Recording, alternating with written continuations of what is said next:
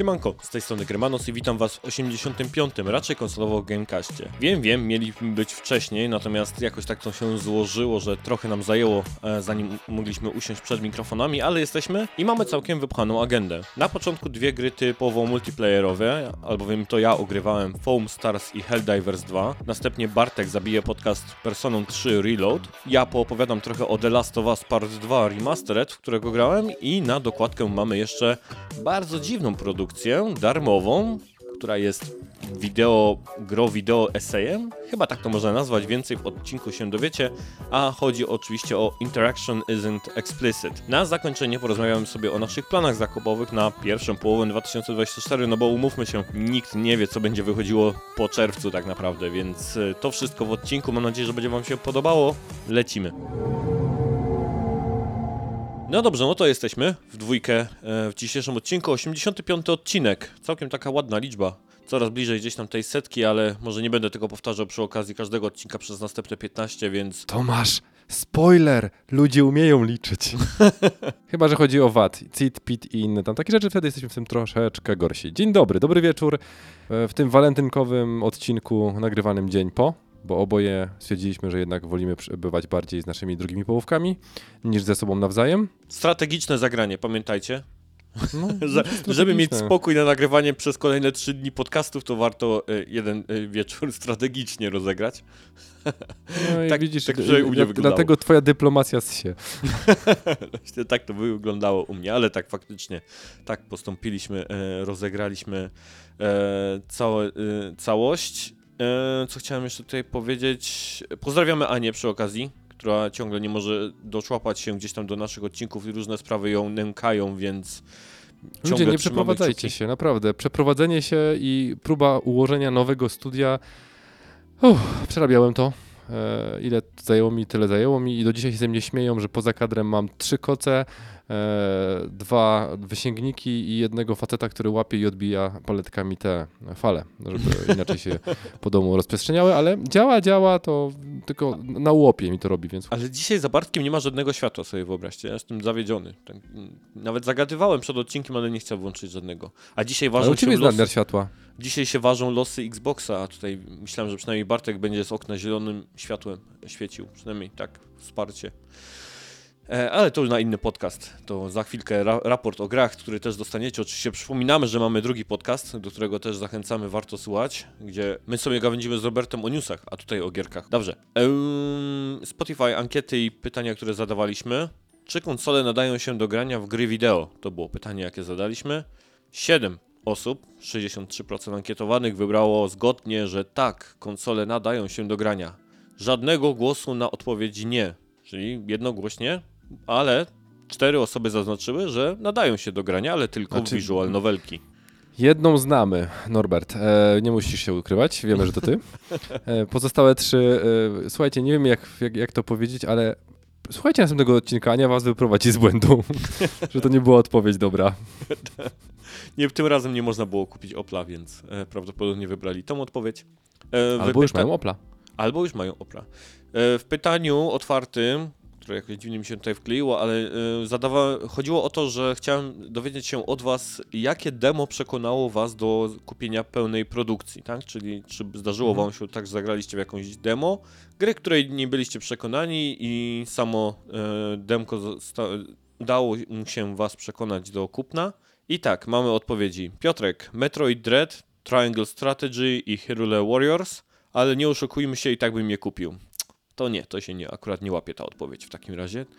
E, Cezar, tak na szybko. Warhammer 4, 40k, Forbidden Stars, Twilight, Imperium, Star Wars, Rebellia, Gloomhaven, Wingspan i jeszcze trochę by się znalazło. A, czyli Cezar tych jednak demówek trochę ograł. E, Flaku, Tormented Souls na PS5, horror w mocno staroszkolnym stylu, mieszanka Resident Evil, Silent Hill i tym podobnych, dużo zagadek, trochę walki i genialny klimat. U was to raczej nie kubka wstydu, a hołda gańby. no tak, pasuje, hołda gańby, podoba mi się. E, Paweł Banaś, demo WoWa, E, Było to w połowie stycznia 2007 roku. World of Warcraft oferował 10 dni triala i max 30 level, aby wypróbować wszystko, co MMO ma do zaoferowania. Przy zakupie straciłem 10 lat życia, nie polecam.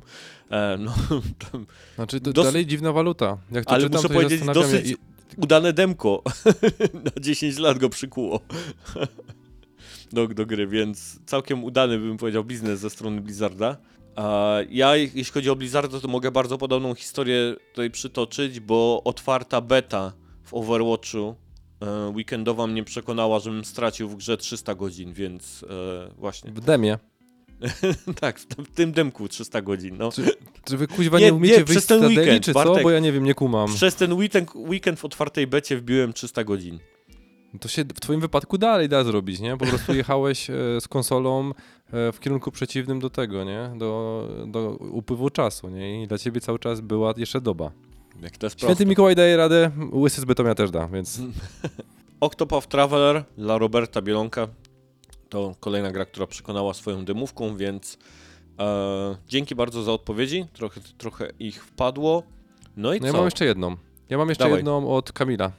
Odnośnie dem. Napisał Mhm. mi takie coś właśnie, że co do tych dems raczej konsolowo, to tu widzisz Steam ma mega przewagę. Masz po prostu zwrot bez pytań. Czyli tak de facto każda gra staje się demem. Mhm. E, możesz zagrać dwie godziny i sam stwierdzić, czy chcesz grę i to jest przyszłość PS Store'a, tak mi się wydaje, a nie demo. E, I też, e, i to też jakby w branży nawet naszej jest mega popularne. Kup szkolenie, nie jesteś zadowolony, to oddaj, no question asked. I to jest, wiesz, no, może ważny głos. A nie wiedziałem, że tak ze szkoleniami jest. Znaczy to jest popularna rzecz, tak zwana jak no pain, e, no, no pain, no cure, nie? W, w drugą stronę, czyli jeżeli ci nie wyleczą, że sporo firm po prostu oferuje w taki sposób, że masz 30 dni gwarantowany zwrot, nie? Bez żadnego no, no ask question, znaczy i tak zadają ci pytanie, no Mhm. question ask, e, ale no wiesz, patrząc na to, co, co piszę, faktycznie, bo skoro jest to wbudowane w platformę Steamową i każdy ma, e, znaczy nie masz wyboru. Jak decydujesz się, że wystawiasz, to decydujesz się, że akceptujesz e, Mhm. wszystkie, że tak powiem, dobrodziejstwa inwentarza. I dając ludziom te dwie godziny, można faktycznie stwierdzić, że nie chce tej gry i ją oddać lub przejść ją w dwie godziny, bo widziałem ludzi, którzy przechodzili trudne gry. Na przykład Portala się, z tego co pamiętam, udawało przejść dwójkę w dwie godziny, czy tam nawet poniżej dwóch godzin zdobyć dużo trofeów. Więc czemu nie? No tylko wiesz, to jest kwestia taka, że jeżeli to faktycznie jest przyszłość, no to produkowanie dem nie ma sensu, a dema często są wybrakowaną wersją e, pełnej, pełnej wersji, że coś tam praktycznie brakuje, nie mamy dostępu do pewnych rzeczy, a nie, że mamy dostęp wszędzie, nie? Bo tam, e, że tak powiem, to osoby, które projektują demo, podejmują co masz, gdzie do, masz dostęp, jakie masz bronie, jakie masz inne rzeczy, jakie masz umiejętności. Często nie jest to pełny arsenał, a w przypadku Steama, no to masz pełnoprawną grę.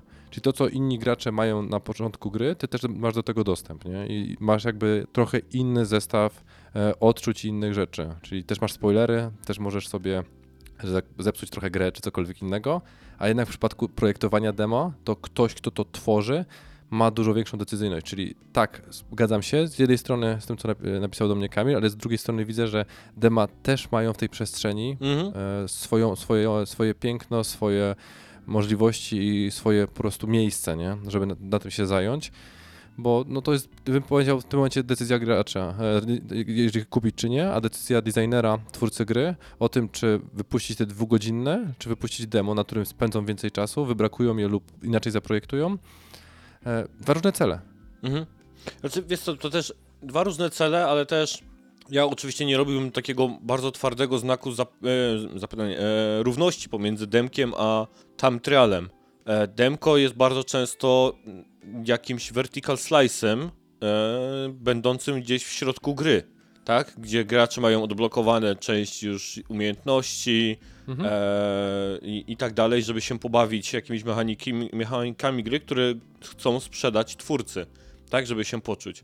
Bardzo często w grach jest tak, że e, te, te, na początku, że tak naprawdę startujemy z niczym, tak, i gra trochę potrzebuje, żeby się rozkręcić i pokazać swoje możliwości, więc y, tak, bym powiedział, takie triale to jest na pewno coś bardzo fajnego. E, ten cały Steam, e, to się nazywa Next Fest, tak chyba, e, jest organizowany taki, taki pokaz gierek, gdzie właśnie są setki, ale to są chyba typowo demówki.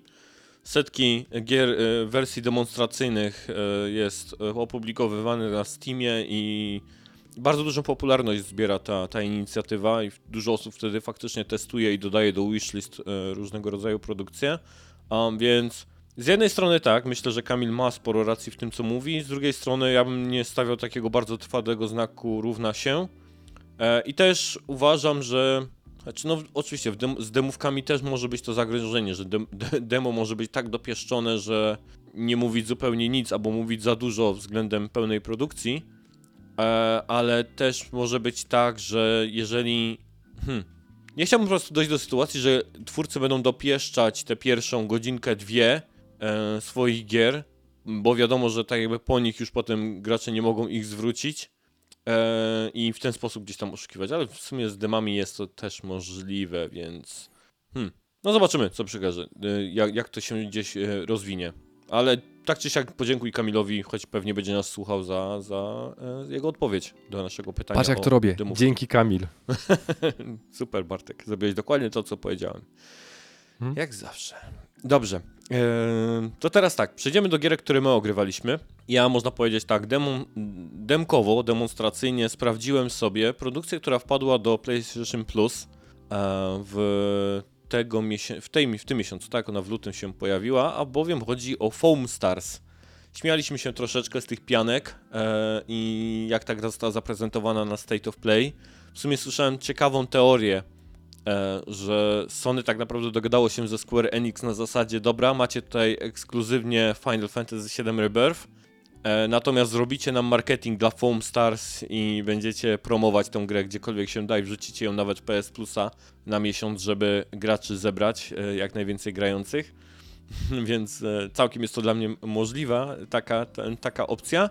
E, no ale tak, gra jest zrobiona przez Toy Logic. Ja sobie poszukałem trochę, co to studio robiło wcześniej, bo zupełnie ich nie znałem. One dla Square Enix już wypracowało remake Niera pierwszego, Nier Replicant, ten, który e, niedawno całkiem wyszedł, znaczy no tak, aż nie, nie aż tak dawno, nie na miesiącach, raczej w tamtym roku remake pierwszego Niera. E, no to już, to już współpracowali wtedy gdzieś ze Square Enix. Na Metacritic chyba ta gra dalej nie ma oceny. Pamiętam jak sprawdzałem, to był dalej znak zapytania, więc trudno powiedzieć, co branża na ten temat myśli. No ale tak, pierwszymi rzeczami, jakie rzuciły mi się w oczy yy, i uszy, bo to warto powiedzieć tutaj, kiedy odpaliłem ten tytuł, to miałem takie dziwne yy, estetyki z Persony yy, w, te, w tej grze, ale tylko i wyłącznie e, jeśli chodzi o UI, który jest tak samo krzykliwy i nawet ma takie same bardzo twarde cienie i e, takie trochę komiksowe, komiksową stylistykę, więc UI taki bardzo personowy jest w tej grze. No i muzyka, która przygrywa praktycznie c- e, wszystkim starciom, e, filmikowi gdzieś temu wprowadzającemu, no i tak jakby całej grze to też jest taki, bym powiedział, trochę, nie wiem, big beat, e, czasem lofi, też mi bardzo nasuwające właśnie takie klimaty persony, więc to jest pierwsze moje skojarzenie. Z drugie z moje skojarzenie to było Destruction All Stars, bo też motywem przewodnim tego wszystkiego to jest gigantyczna jakaś impreza, turniej, kolory, trochę taki Fortnite e, przy tym wszystkim. No i oczywiście Splatoon, tak? To chyba jest najbardziej gra, która się kojarzy. Więc jest to takie pomieszanie z poplątaniem, bym powiedział, ten tytuł. No ale do brzegu, dochodzę do tego wszystkiego. Nie bawiłem się najgorzej muszę powiedzieć. To nie jest tak, że e, zupełnie ta gra niczego w sobie nie ma i że jest spisana ogólnie na, na straty, ponieważ playtesty już przed premierą wychodziły całkiem niezłe e, tego Foam Stars. No i ja się całkiem nieźle bawiłem e, w, tej, w tej rozgrywce. Generalnie rzecz biorąc, jeśli chodzi o Splatuna, to Splatoon polega na tym, że obie drużyny chcą przejąć tak jakby teren i leją te, te, te ośmiorniczki, dziewczynki po tych mapach w Splatunie mm, farbą mm, po to, żeby tak jakby ją pokryć jak najbardziej swoim kolorem, no i wygrywa drużyna, której się uda tak jakby zrobić to w czasie największą powierzchnię. Chyba tak dokładnie jest liczone wygrana, przegrana w e, Splatunie.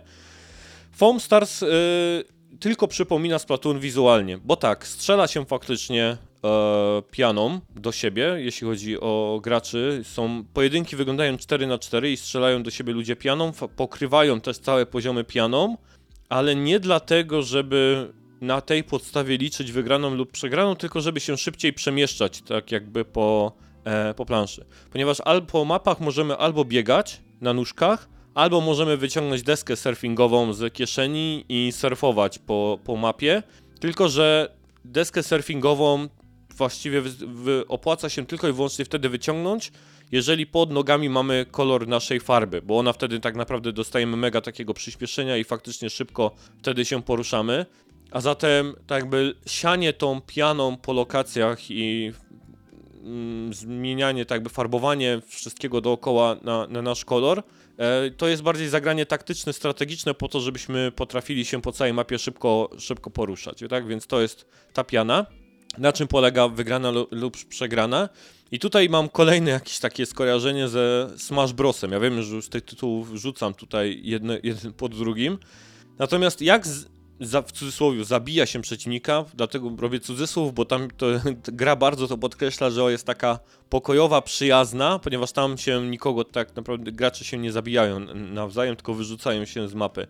E, wygląda to mniej więcej w ten sposób, że jak obrywamy farbą od innych graczy, to nasza postać coraz bardziej wygląda jak taki ludzik Michelina, który, bo ta farba się do nas przykleja, aż zmieniamy się w taką kulkę, w taką jakby śnieżkę, która jest e, pokryta cała z, z m, mm, tej pianki.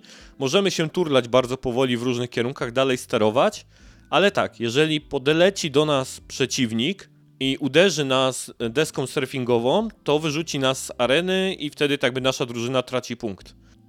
Możemy, może to natomiast też wyglądać tak, że jeżeli członek naszej drużyny wtedy do nas podleci i uderzy nas deską, to nas tak jakby z tej pianki czyści i tak jakby wracamy normalnie do rozgrywki, więc e, warto też patrzeć na to, czy nasi koledzy na przykład gdzieś tam nie są w tarapatach i, i ich ratować, kiedy, kiedy zostaną zmienieni w tą kulkę piany.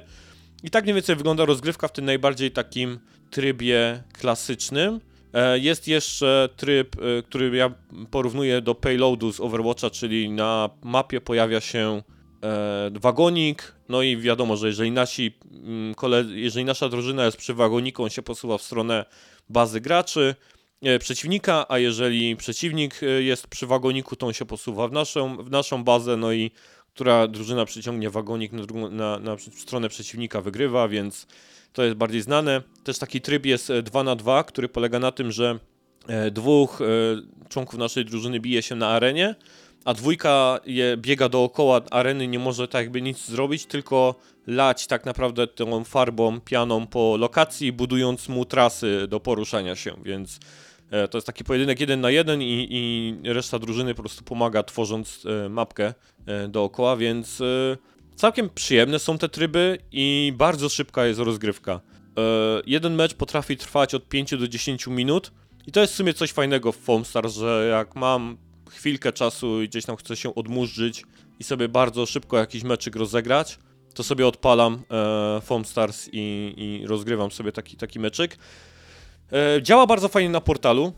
E, to też jest kolejny, kolejny plus, że można odpalić sobie, ponieważ to strzelanie tam jest takie, bym powiedział, nie nastawione na celność. E, to, to, ta farba, którą my strzelamy, są tak duże pociski, że jakiekolwiek precyzyjne celowanie tutaj jest zupełnie niepotrzebne.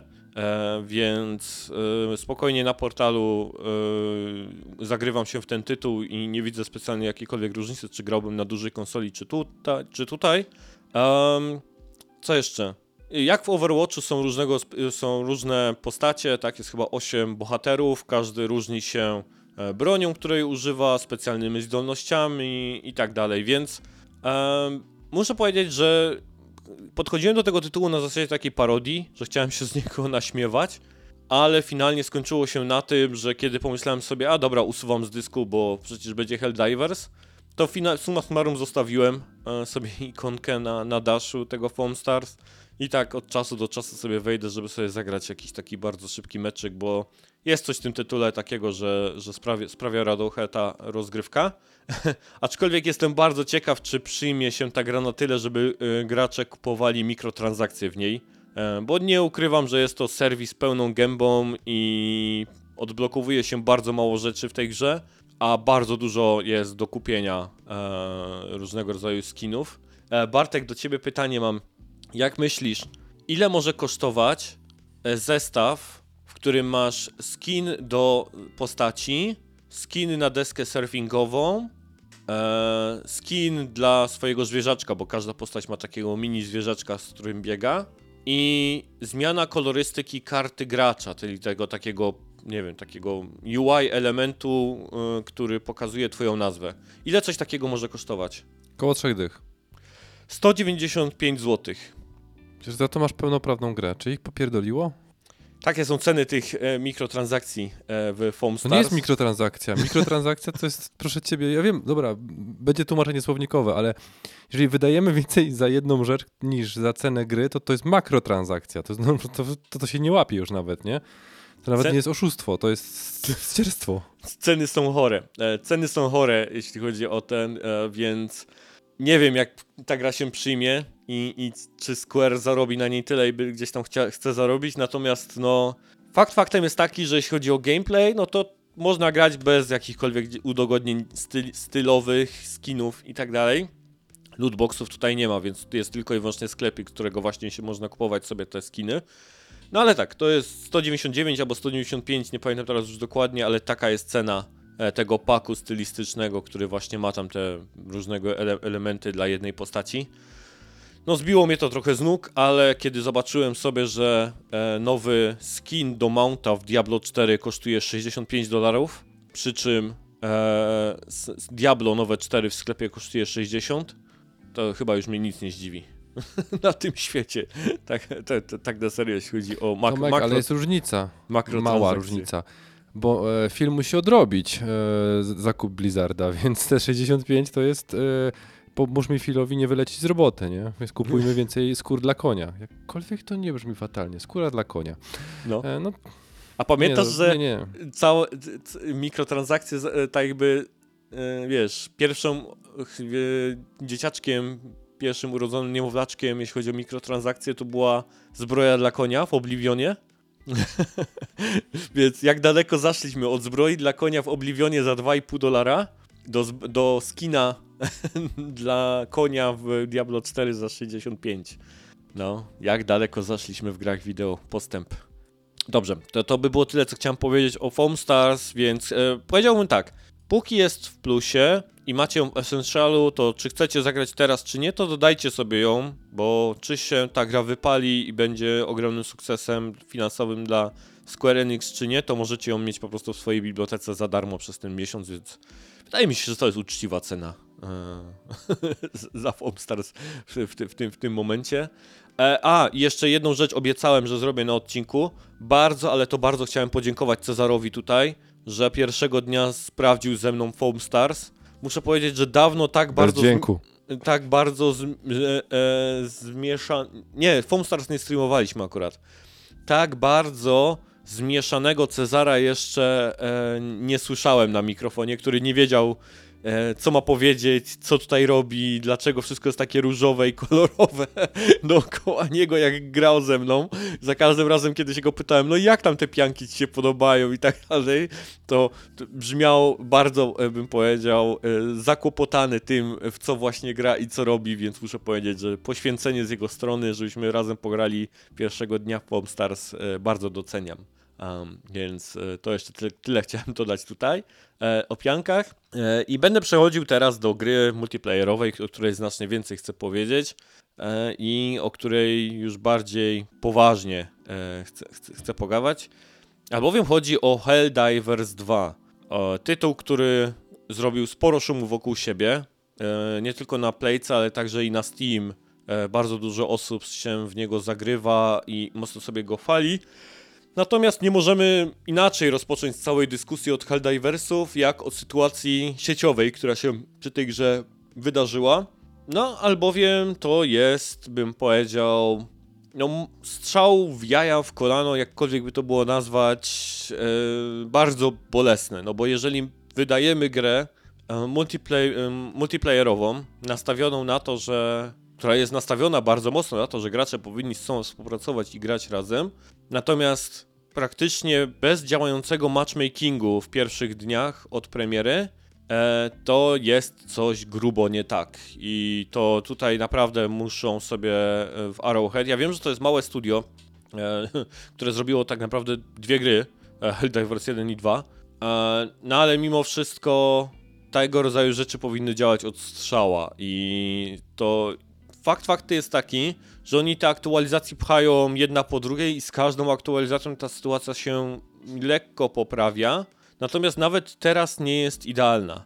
E, A, a wiem, że aktualizują tą grę na potęgę, ponieważ wczoraj rano, kiedy wróciłem z delegacji, to zainstalowała mi się aktualizacja 1.0005. W ciągu dnia było 1.006.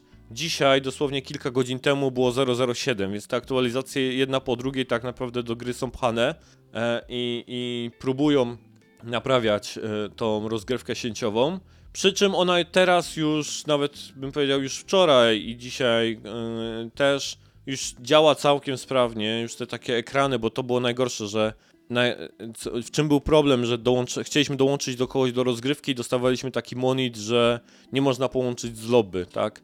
Takie, takie okienko, okienko się pojawiało.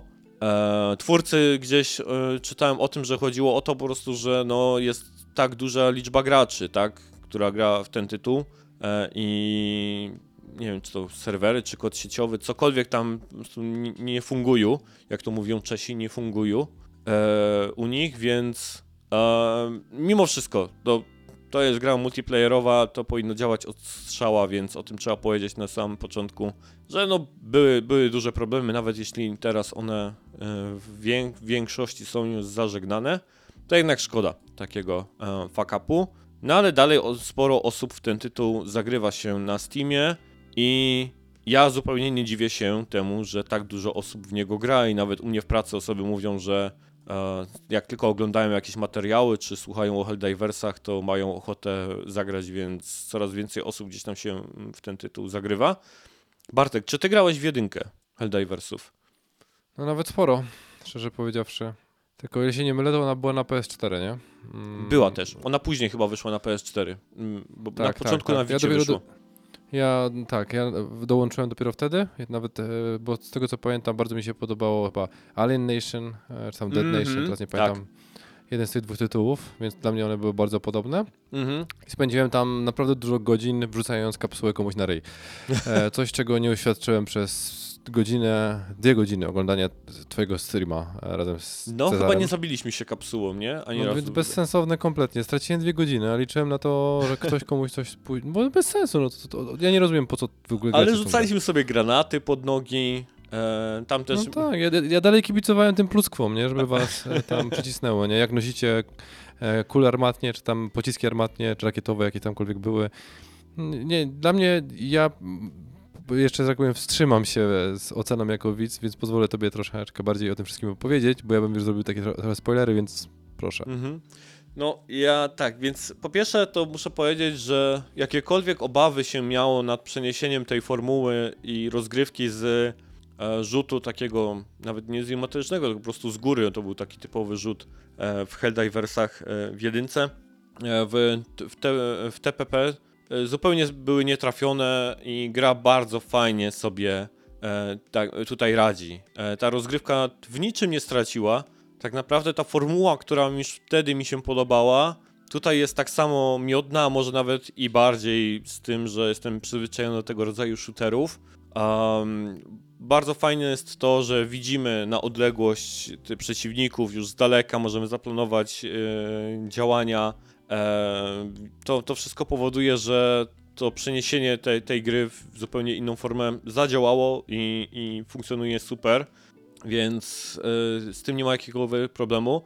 Je, można w ogóle odpalić tryb pierwszej osoby, tak? W momencie strzelania do jakiegokolwiek e, przeciwnika możemy e, przejść w tryb e, FPP, co jest super przy jakimś bardzo precyzyjnym celowaniu i, i tak dalej, więc za to również mega propsy. Więc od strony gameplayu jakikolwiek nie mam złych e, wspomnień czy jakichkolwiek złych opinii na temat przeniesie, przeniesienia gry. Również zachowany został humor. Humor taki Starship Trooperowy, e, bardzo pompatyczny, taki parodiujący, e, bym powiedział, patriotyzm z całą tą super ziemią i, i demokracją i walką o wolność. Wylewa się po prostu ten humor z każdego elementu e, tej gry. E, miałem na przykład reklamę, jak gdzieś tam na statku si- siedziałem, to leciała reklama, e, to był Pot Orła, chyba tak się nazywał dezodorant. E, Pot Orła, poczuj wolność, czy coś w tym, w tym, w tym, w tym, w tym, w tym, w tym rodzaju. Rozbawiła mnie, mnie ta reklama. Też wszelkiego rodzaju przekazy e, zawsze podkreślają, że walczymy o demokrację i że demokracja jest najważniejsza. Podobają mi się te komunikaty, wskazówki, kiedy le lecisz na planetę, to na dole są pokazywane tam jakby przekaz super ziemi, to są tam wskazówki, nie? Że tam pamiętaj, że tu jest granat pod tym przyciskiem, pamiętaj coś tam, coś tam tak dalej. I niektóre te wskazówki mówią na przykład przekaz super ziemi, pamiętaj, wolność. I, I tylko tyle. Albo, że na przykład e, rób sobie przerwy od grania e, po długich sesjach, a pod spodem, jeśli nie boisz się być nazwany tchórzem. E, co, co, co, coś takiego, więc ten żarty i humor wylewa się z każdego elementu praktycznie tej gry. No w samym gameplayu, tak, kiedy rzucisz granat pod nogi swoim kolegom, czy rzucisz na nich z góry właśnie ładunek, czy tam ostrzał z artylerii, więc to wszystko też jest bardzo, bardzo humorystyczne i zawsze bawi, kiedy przypadkowo się to gdzieś e, wydarzy. Czy po prostu, nie wiem, przeleci ci kolega pod lufą i przy cały czas istniejącym friendly fire po prostu się go odstrzeli. E, tego rodzaju sytuacje się e, cały czas zda- zdarzają, więc to jest bardzo fajne, bym powiedział, że to jest połączenie tego takiego bardzo, bym powiedział, e, humoru, c- czystych parodii dla mnie Mela Brooksa, Monty Pythona, e, z taką niesamowitą epickością, bo ta muzyka, która tu w grze występuje, to są takie, bym powiedział, bardzo poważne klimaty, e, mega epickie, kiedy lądujemy na planecie, wszystko jest tak z taką pompą robione, no i do tego ten humor i, i rozwałka, to jest bardzo fajne połączenie, takie dające me mega dużą satysfakcję. E, co tutaj dalej jeszcze e, mam e, zapisane? Na chwilę obecną możemy mm, przewalczyć z dwoma gatunkami przeciwników. Twórcy powiedzieli, że wszelkie przyszłościowe aktualizacje zarówno nowych planet, jak i ras, biomów, z którymi będziemy, na których będziemy się poruszać, będą za darmo.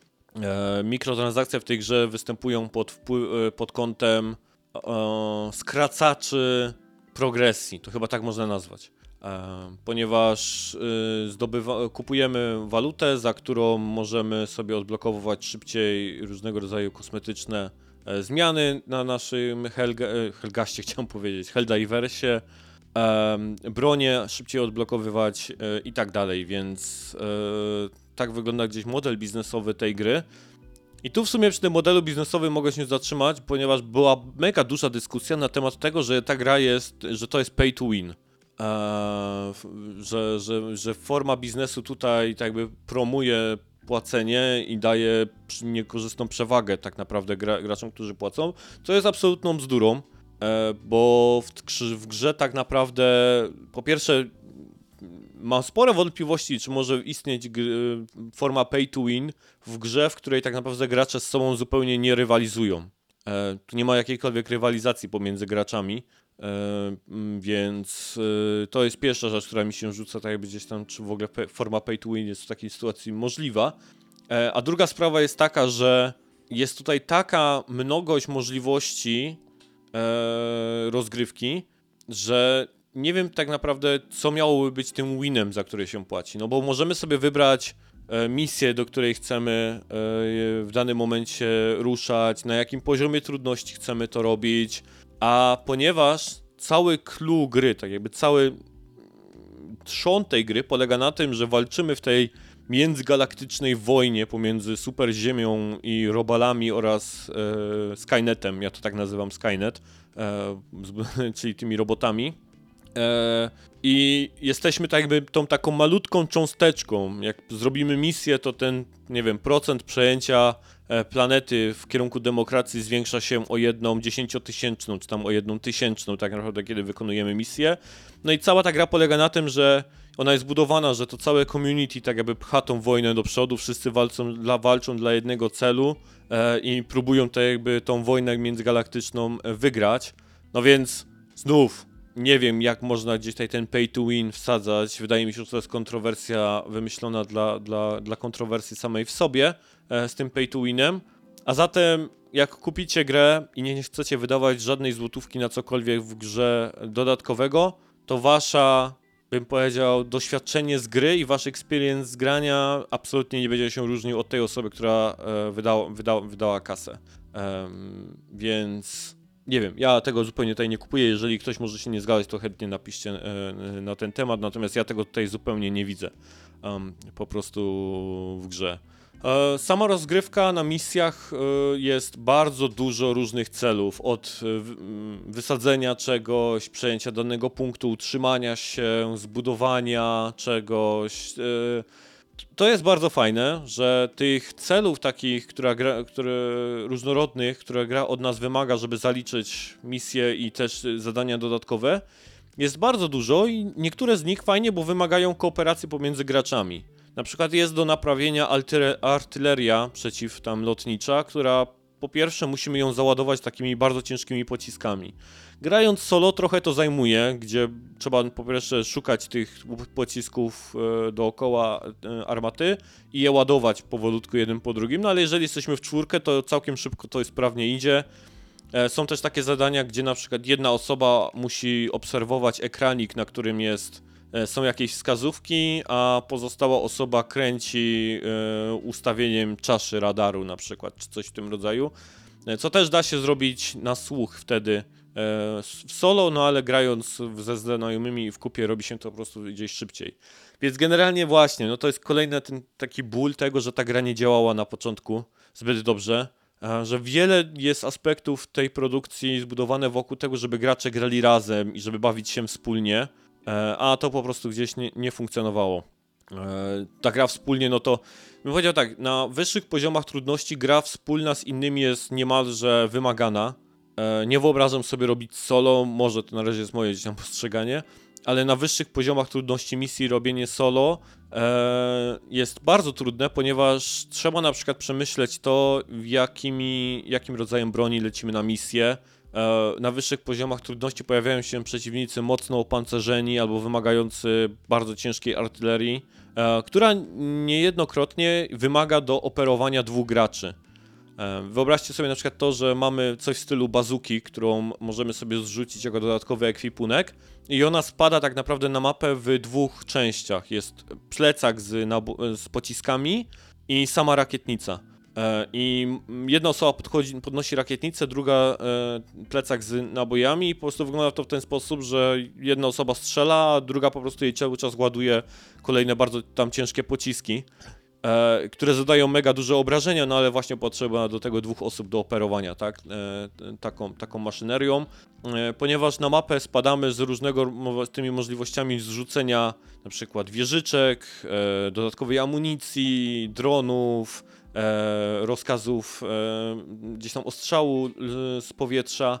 To też, e, kiedy lecimy na misję, to warto patrzeć, czy na przykład nie mamy już za dużo wieżyczek, to może wziąć jakiś ostrzał wtedy, albo zauważymy, że na przykład kurczę, nikt nie wziął dodatkowej amunicji, to przynajmniej wezmę ze sobą plecak z dodatkowymi nabojami, żeby potem pomagać kolegom, e, więc im idziemy dalej w tych poziomach trudności, ta gra staje się bardziej taktyczna i coraz bardziej zaczynamy zważać uwagę na to, żeby co bierzemy ze sobą na misję i jak jesteśmy e, przygotowani.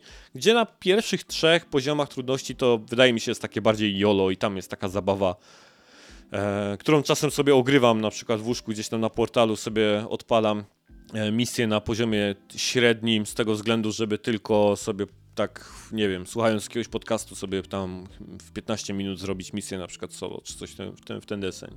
Um, co jeszcze tutaj mogę powiedzieć? Yy, bardzo dużo planet jest z różnymi warunkami atmosferycznymi, które wpływają na broń. E, Jeżeli mamy na przykład broń laserową, która się przegrzewa, to jak gramy na mapie e, z biomem mm, zimowym, lodowym, to wtedy po pierwsze on po- on powoduje, że e, my poruszamy się troszeczkę wolniej, bo tak jakby zamarza nam cały gdzieś skafander, ale też wszelkie bro- bronie, które się przegrzewają, robią to po prostu wolniej, wolniej się przegrzewają, tak? Znowu na planetach bardziej, by powiedział, o ostrym klimacie, takim mocnych temperaturach, to się szybciej przegrzewają. E, są, są mapy, na których jest e, całkowicie gdzieś tam zamglenie, różne, różne dymy się unoszą, więc bardzo słaba jest widoczność. A w mapach, gdzie pada deszcz, e, wszelkiego rodzaju obrażenia elektryczne są zadawane mocniej, więc tego rodzaju też rzeczy wpływają na rozgrywkę, to te, te atmosferyczne i, i planetowe, na to trzeba zwracać uwagę. E, nasza postać może być zraniona w różne części ciała, które powodują, że albo trzęsie nam się broń, albo na przykład wolniej się poruszamy, czy kuśtykamy. E, I dopiero jak się wyleczymy, to te statusy się gdzieś e, znikają. E, różne części uzbrojenia, które zakładamy na siebie, na przykład bardziej chronią nogi, albo bardziej chronią właśnie ręce przed jakimiś obrażeniami. No robi się tego dużo. I im wyżej idziemy w poziomach trudności, tym bardziej musimy na to uważać, co na siebie bierzemy i co bierzemy ze sobą. A więc, no ja jestem zajarany. Nie mogę się oderwać tak naprawdę. Trudno mi się oderwać od Helldiversów. E, tym bardziej, że one bardzo dalej funkcjonują na portalu. Ja sorry, że męczę, tak jakby mówiąc o tym portalu przy każdej grze, ale po prostu to urządzenie jest tak genialne i ogromny środkowy palec wszystkim, którzy mawiali mi, że to nie będzie działać, bo dla mnie to jest taki game changer, e, granie te takie mobilne w obrębie mojego domu, ale wciąż mobil- mobilne, ratuje mi tak dubsko ja tyle czasu spędzam e, z nim w ręce, że no jestem jeszcze bardziej zachwycony, więc tyle co mogę powiedzieć, więc nagadałem się. 43 minuty odcinka praktycznie wydaje mi się, że tylko ja mówiłem. Bartek, proszę powiedz, że chcesz coś powiedzieć. Nie. Co nie, żartuję. E, o, nie, ogólnie rzecz biorąc, dla mnie ta gra jest trochę zaskoczeniem, bo e, nie ukrywam, że dla mnie tamten rzut miał czar. E, ta, tego rodzaju interakcja, podejście i tak dalej, bo z tego co pamiętam, tam nawet wszystko miało takie trochę przerysowane e, rzeczy. E, jak zobaczyłem tę grę, to stwierdziłem, że nie, no to jest kompletnie coś, co do mnie nie, nie trafia, nie przemawia. I po dwóch godzinach oglądania dochodzę do tego wniosku, że tam to miało, wiesz, faktycznie tam to jest coś, co jakby wyszło w, tej, w tym formacie. Z miłą chęcią pograłbym w Helldivers 2, ale na chwilę obecną nie znajduję, bo po, po pierwsze wygracie, Mhm. no to tak bez sensu, że o, ostatnio jak graliśmy w Remnanta, to przestaliście ze mną grać. No tak, bo E. ty po prostu sobie postanowiłeś grę skończyć. No ja chciałem grę skończyć, No, tak. tak. na I- nikogo nie bo To była czekałeś. przyjemność. No.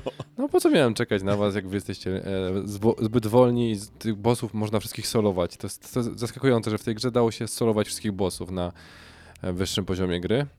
E, więc to wiesz, to, to do mnie nie przemawia. Tak Myśmy samo się tak rodzaj... męczyli, a z każdym bossem pamiętam. No tak, ale dlatego mówię, czy pytań do tego tytułu nie, nie mam.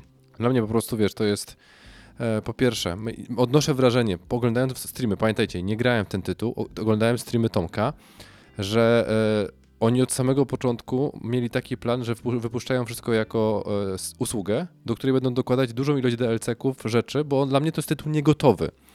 Ja bym w ogóle nie wypuszczał go na półkę, albo byłbym uczciwy od samego początku. Nie wiem, komunikacji nie widziałem e, w tym kierunku idącej, więc dla mnie to jest trochę takie e, zaskoczenie, że tam naprawdę jest nie tyle dużo do zrobienia, tylko dużo do dorobienia, żeby mówić o pełnoprawnym tytule. To, że wypuszczają to e, za friko jak w postaci DLC, to jest po prostu to, co mówię, te- tego rodzaju strategia, że nie mogli sobie pewnie pozwolić na opóźnienie lub cokolwiek innego. Jakoś nie, nie słyszałem chyba o, dalej o żadnym tytule, który wyszedłby pierwszego dnia sieciowy, nastawiony przede wszystkim na rozgrywkę sieciową i nie byłoby problemów. Nie wiem, to, to jest chyba jakiś mistyczny jednorożec, że wyjdzie w końcu i nie będzie miał jakichkolwiek problemów. Zawsze są problemy, e, szczególnie, że chyba e, autorzy tej gry, twórcy tej gry nie, byli, nie spodziewali się, że aż tak dobrze im pójdzie, e, że będą mieli tyle singlów, którzy potrzebują matchmakingu, więc to też pokazuje Mhm. e, w tym wszystkim, że to zadziała. Ja jestem bardzo ciekawy, jak to będzie się rozwijało, w sensie z punktu widzenia modelu. E, co będą dorzucać, jakie biomy, cokolwiek innego, bo na razie to jest, e, wiesz, obietnica. Zobaczymy, co z tego wyjdzie. I jestem bardzo ciekawy, ile będzie kosztowała zbroja na konia, e, bo to, to jest rzecz, która nie wiem, czy to da radę, aczkolwiek tak jak mówiłeś, że e, dobrze się czujesz e, z nim w ręce, więc może będzie też przestrzeń dla... E, dla, dla wyciągam z kontekstu. No tak, właśnie widzę. Nie, bo uwielbiam, uwielbiam jak robisz reklamę e, tego portala. Naprawdę, to jest tak fenomenalnie. Nobody cares, człowieku. Ja ty jeszcze mówisz środkowy palec dla nich wszystkich. Oni tym bardziej nobody cares e, about that. To jest fenomenalnie, że się z tym dobrze bawisz, ale nadal, człowieku, ja ci mówię podstawową rzecz. Spędź trochę czasu z żoną, a nie idź do łóżka grać, bo to dziwnie. Porozmawiaj z nią, Ej. odezwij się czy coś. Obecnie walczymy ten o portala, bo albo żona gra w Wiem, wiem, widziałem zdjęcia. Albo, Tak. albo ten, albo ja w, w Helldiversu właśnie. E, natomiast ja bym chciał żarty. uderzyć w to, co powiedziałeś o tym, że gra jest niekompletna. E, bo fakt faktem, jeżeli mówimy o tych problemach sieciowych, to jak najbardziej jest niekompletna. E, I, i Mhm. wystartowała, bym powiedział, nie, nie w komplecie.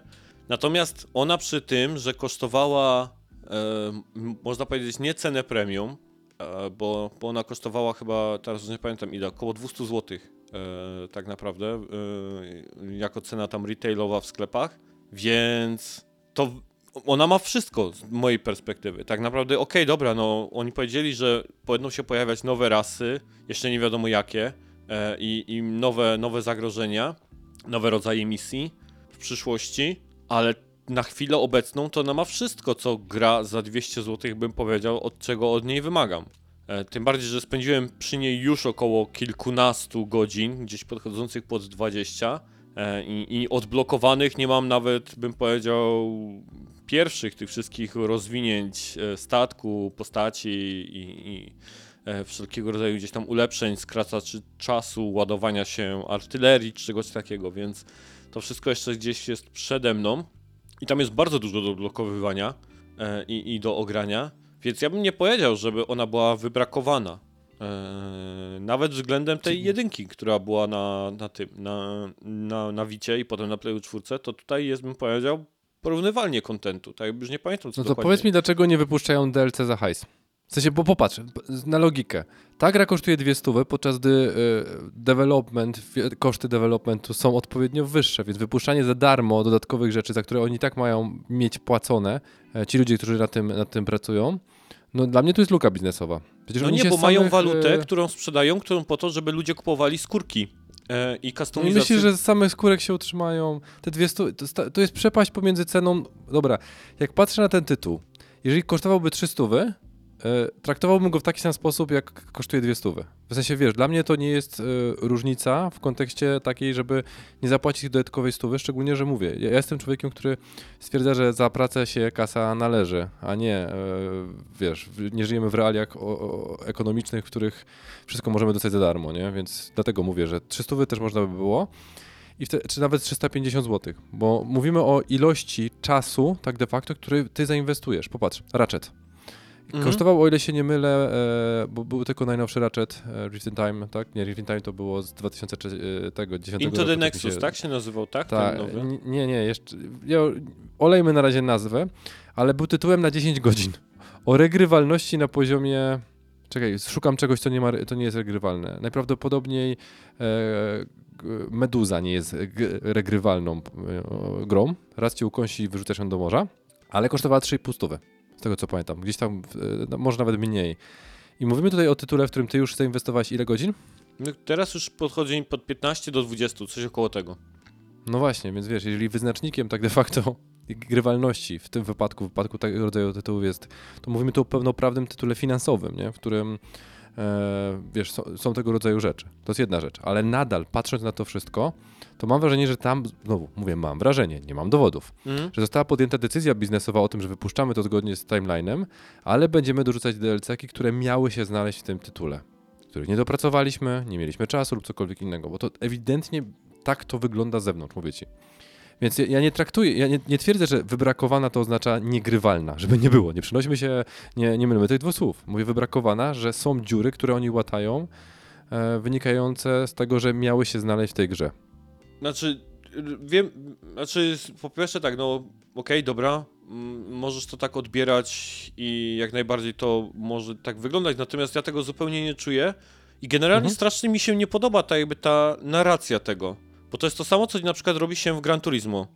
Gran Turismo wypuści, wyszło na rynek i od tego czasu, już teraz chyba będzie drugi rok, regularnie, praktycznie z dokładnością co do miesiąca są dodawane darmowe content update'y z nowymi samochodami, z nowymi trasami e, do, do, do gry.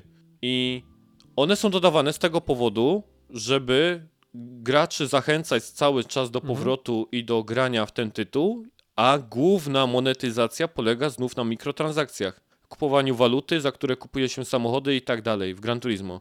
I tutaj jest ten model i, i znowu dokładnie taki sam, e, gdzie za duże DLC i aktualizacje na razie tak twórcy mówią, nie będziemy płacić, tak jakby rozgrywka będzie cały czas odświeżana i dopakowywana. Natomiast e, waluta sprzedawana w grze to są cały czas e, kosmetyki. I to jest model, który zaczyna funkcjonować coraz częściej, Bartek akurat. Bo na przykład Battlefield e, 2042, e, spokojnie, zaraz jeszcze ty powiesz swoją grę i w ogóle tak będziemy mieli nasz tercet e, zabijania kompletny. E, ma, robi dokładnie to samo, gdzie nowe mapy e, i tryby gry są dodawane w aktualizacjach dla wszystkich graczy za darmo, natomiast znów kosmetyka w storze, która się pojawia, e, jest za walutę, którą ludzie po prostu kupują. Więc to jest, to jest model, który zaczyna funkcjonować. A mi to przy... Dlaczego mnie to tak razi? Bo mi to przypomina tą narrację, kiedy wiesz, każde DLC, kiedykolwiek wychodziło, ludzie zawsze mówili, to jest wycięty content, to powinno być w grze, wszystko jest zawsze wyciętym. Choćby nie wiem, kiedy one było zapowiedziane. Czy DLC było zapowiedziane przed premierą, czy miesiąc po premierze, czy wychodziło rok po premierze. To dla graczy to zawsze był e, content, który został wycięty z produkcji i złodzieje chcą od nas pieniędzy. I zawsze była taka narracja budowana wokół tych dodatków. Więc ja osobiście nie czuję, żeby ta grę, tej grze teraz czegokolwiek brakowało, biorąc pod uwagę, Mhm. ile za nią zapłaciłem. Uważam, że jest całkowicie pełnoprawnym e, produktem. A samo to, wizja tego, że te dodatki będą darmowe i ta gra będzie puchła, tylko powoduje, że ja chcę dalej kontynuować e, w nią grać, po prostu. Może gdybym o tym nie wiedział, e, to bym nie był tak nastawiony do tego, że warto naraz zainwestować i kupić ją za 200 zł, bo będzie tylko i wyłącznie ta gra puchła. Em, więc tak ja do tego podchodzę. E, spoko. Ale, ale to możemy się tutaj tak gdzieś nie zgodzić. Też w sumie, kurczę, kolejny raz jestem ciekaw, e, co, co, co inni na ten temat myślą, e, więc e, koniecznie gdzieś piszcie, jak wy odczuwacie, jeżeli gracie w Helldiverse lub nie, jak wy, jak wy to odbieracie. Ale tak, generalnie rzecz biorąc, zdecydowanie bardziej polecam Helldivers od Foam Stars. Foam Stars koniecznie ściągnijcie sobie, żeby mieć to w bibliotece, jeżeli macie plusa, a pewnie większość ma. E, Natomiast Helldiversi wydaje mi się, że możecie jeszcze trochę poczekać, parę dni. Prawdopodobnie przy tej prędkości aktualizacji to za niedługo uda się im rozwiązać całkowicie te problemy e, z matchmakingiem. E, możecie jeszcze trochę poczekać, ale generalnie mocno polecam. I nawet jeżeli nie gracie w shootery za dużo, to ta gra też nie wymaga jakiegoś specjalnie niesamowitego skilla, jeśli chodzi o strzelanie. E, wszystko, do czego strzelamy tutaj jest raczej duże. Strzelanie jest bardzo przyjemne, e, więc e, to jest też gra, która powinna gdzieś siąść ludziom, którzy w shootery, typowe shootery, często PvP na konsolach nie są zbyt z nimi zaznajomieni i nie, są to, nie jest to gatunek, po który sięgają najczęściej, więc nawet tym osobom polecam Helldiversów. No ja na pewno będę się bawił dalej i, i też streamował. To też zachęcam do spojrzenia, czy na kanale akurat nie, nie będziemy czegoś streamować. Ciągle próbujemy naprawić to, żebyśmy byli wszyscy słyszani na imprezie. Już włączamy cokolwiek się da tak naprawdę, e, żeby to funkcjonowało. Nie wiem, gdzie mamy problem. E, No włączcie mikrofony. Co? To może włączcie mikrofony. No bardzo zabawne. E, nie, to już naprawdę to już zaczyna być frustrujące, bo już nam się ostatnio wydawało, że wszystko ustawiliśmy, a i tak ten dźwięk z tej imprezy się nie przenosił na, na, na stream, więc będzie trzeba wykonać jakieś testy następnym razem, zanim zaczniemy e, coś, co, coś e, streamować, no ale to już do, do rozwiązania, więc e, zobaczymy. Dobrze, to teraz może przejdźmy do gry, którą, jedynej gry, którą w sumie ty ogrywałeś tutaj na, na odcinek, jeśli się nie mylę. Jest to Persona 3 Reload. Bartku, jak ci się podoba tak. trójeczka? Powiem ci, że e, obawiałem się podchodząc do tego tytułu, dlatego że to jest moje drugie podejście do Persony 3. Pierwszą ogrywałem na Vicie, ale jako port z PSP. I tak mnie zniesmaczył i zniechęcił po Personie Mhm. e, 4 Golden, że stwierdziłem, że nie, no to, to nie będę się męczył, bo po prostu wiesz, to, to, to nie, nie to, nie? Ale stwierdziłem e, po twojej recenzji, że tytuł jest bardziej mroczny i bardziej e, porusza innego rodzaju tematy, a stwierdziłem, a spróbuję, bo cena nie jest znowu jakoś wygórowana. W chwili obecnej można to wyhaczyć za około 150 zł, więc to jest jak za grę tego rodzaju, która oferuje około 40-60 godzin. Mhm. I to nawet dobrej e, rozgrywki, pomimo że to jest, e, bo to nie jest port, to jest reloaded, nie? Czyli podorabiali, poprzerabiali e, pewne rzeczy. Nie mam porównania z tym, jak faktycznie całość rozgrywki była, dlatego że mówię, poddałem się bardzo szybko. Mhm.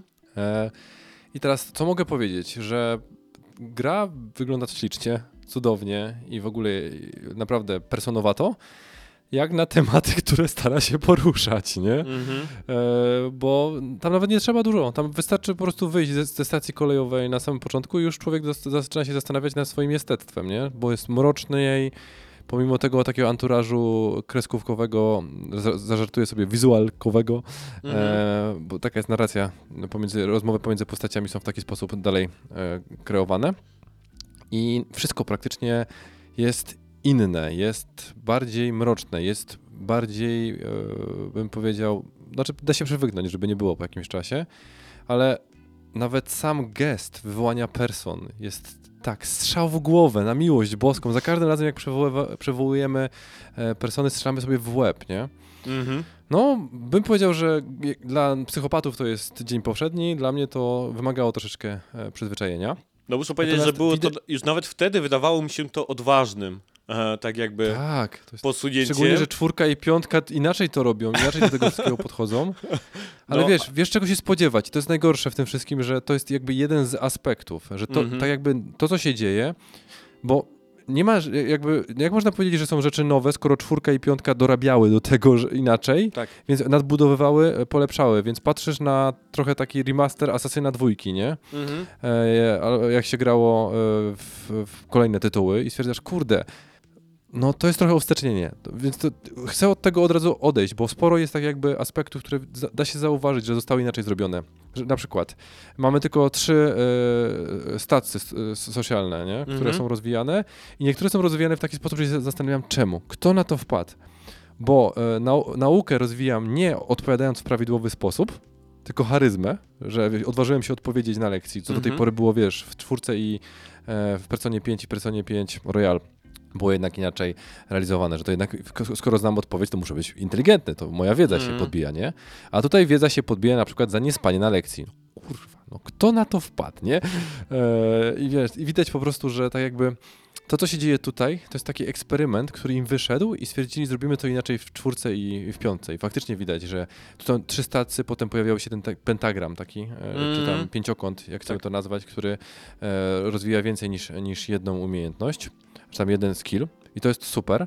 Ja jestem na e, 20 godzinach już, Wow. muszę przyznać, e, dlatego że tak gra Lecisz z tym, no. Jak moja żona już idzie spać i córka, no to Mhm. sobie tak odpalam i potem na przykład e, muszę sobie timeboxować oczywiście, bo ta gra naprawdę jest przyjemna i naprawdę jest wciągająca, ale po prostu jest przez to, że czuję się tu jak u siebie. Dosłownie. Mhm. Po czwórce i po piątce czuję, że wszystko, co tam grało, tutaj może być jakby uwstecznioną wersją, czy jakby nie uwstecznioną, bo to źle brzmi uwstecznione, tak jakby prekursorem, o to brzmi lepiej, prekursorem tego wszystkiego, ale to jest ten dobry krok. I że został wizualnie poprawiony w stosunku do tego, co pamiętam z PSP, czy tam portal PSP na Vita, to tutaj czuję właśnie, wiesz, te wszystkie rzeczy, które były tam.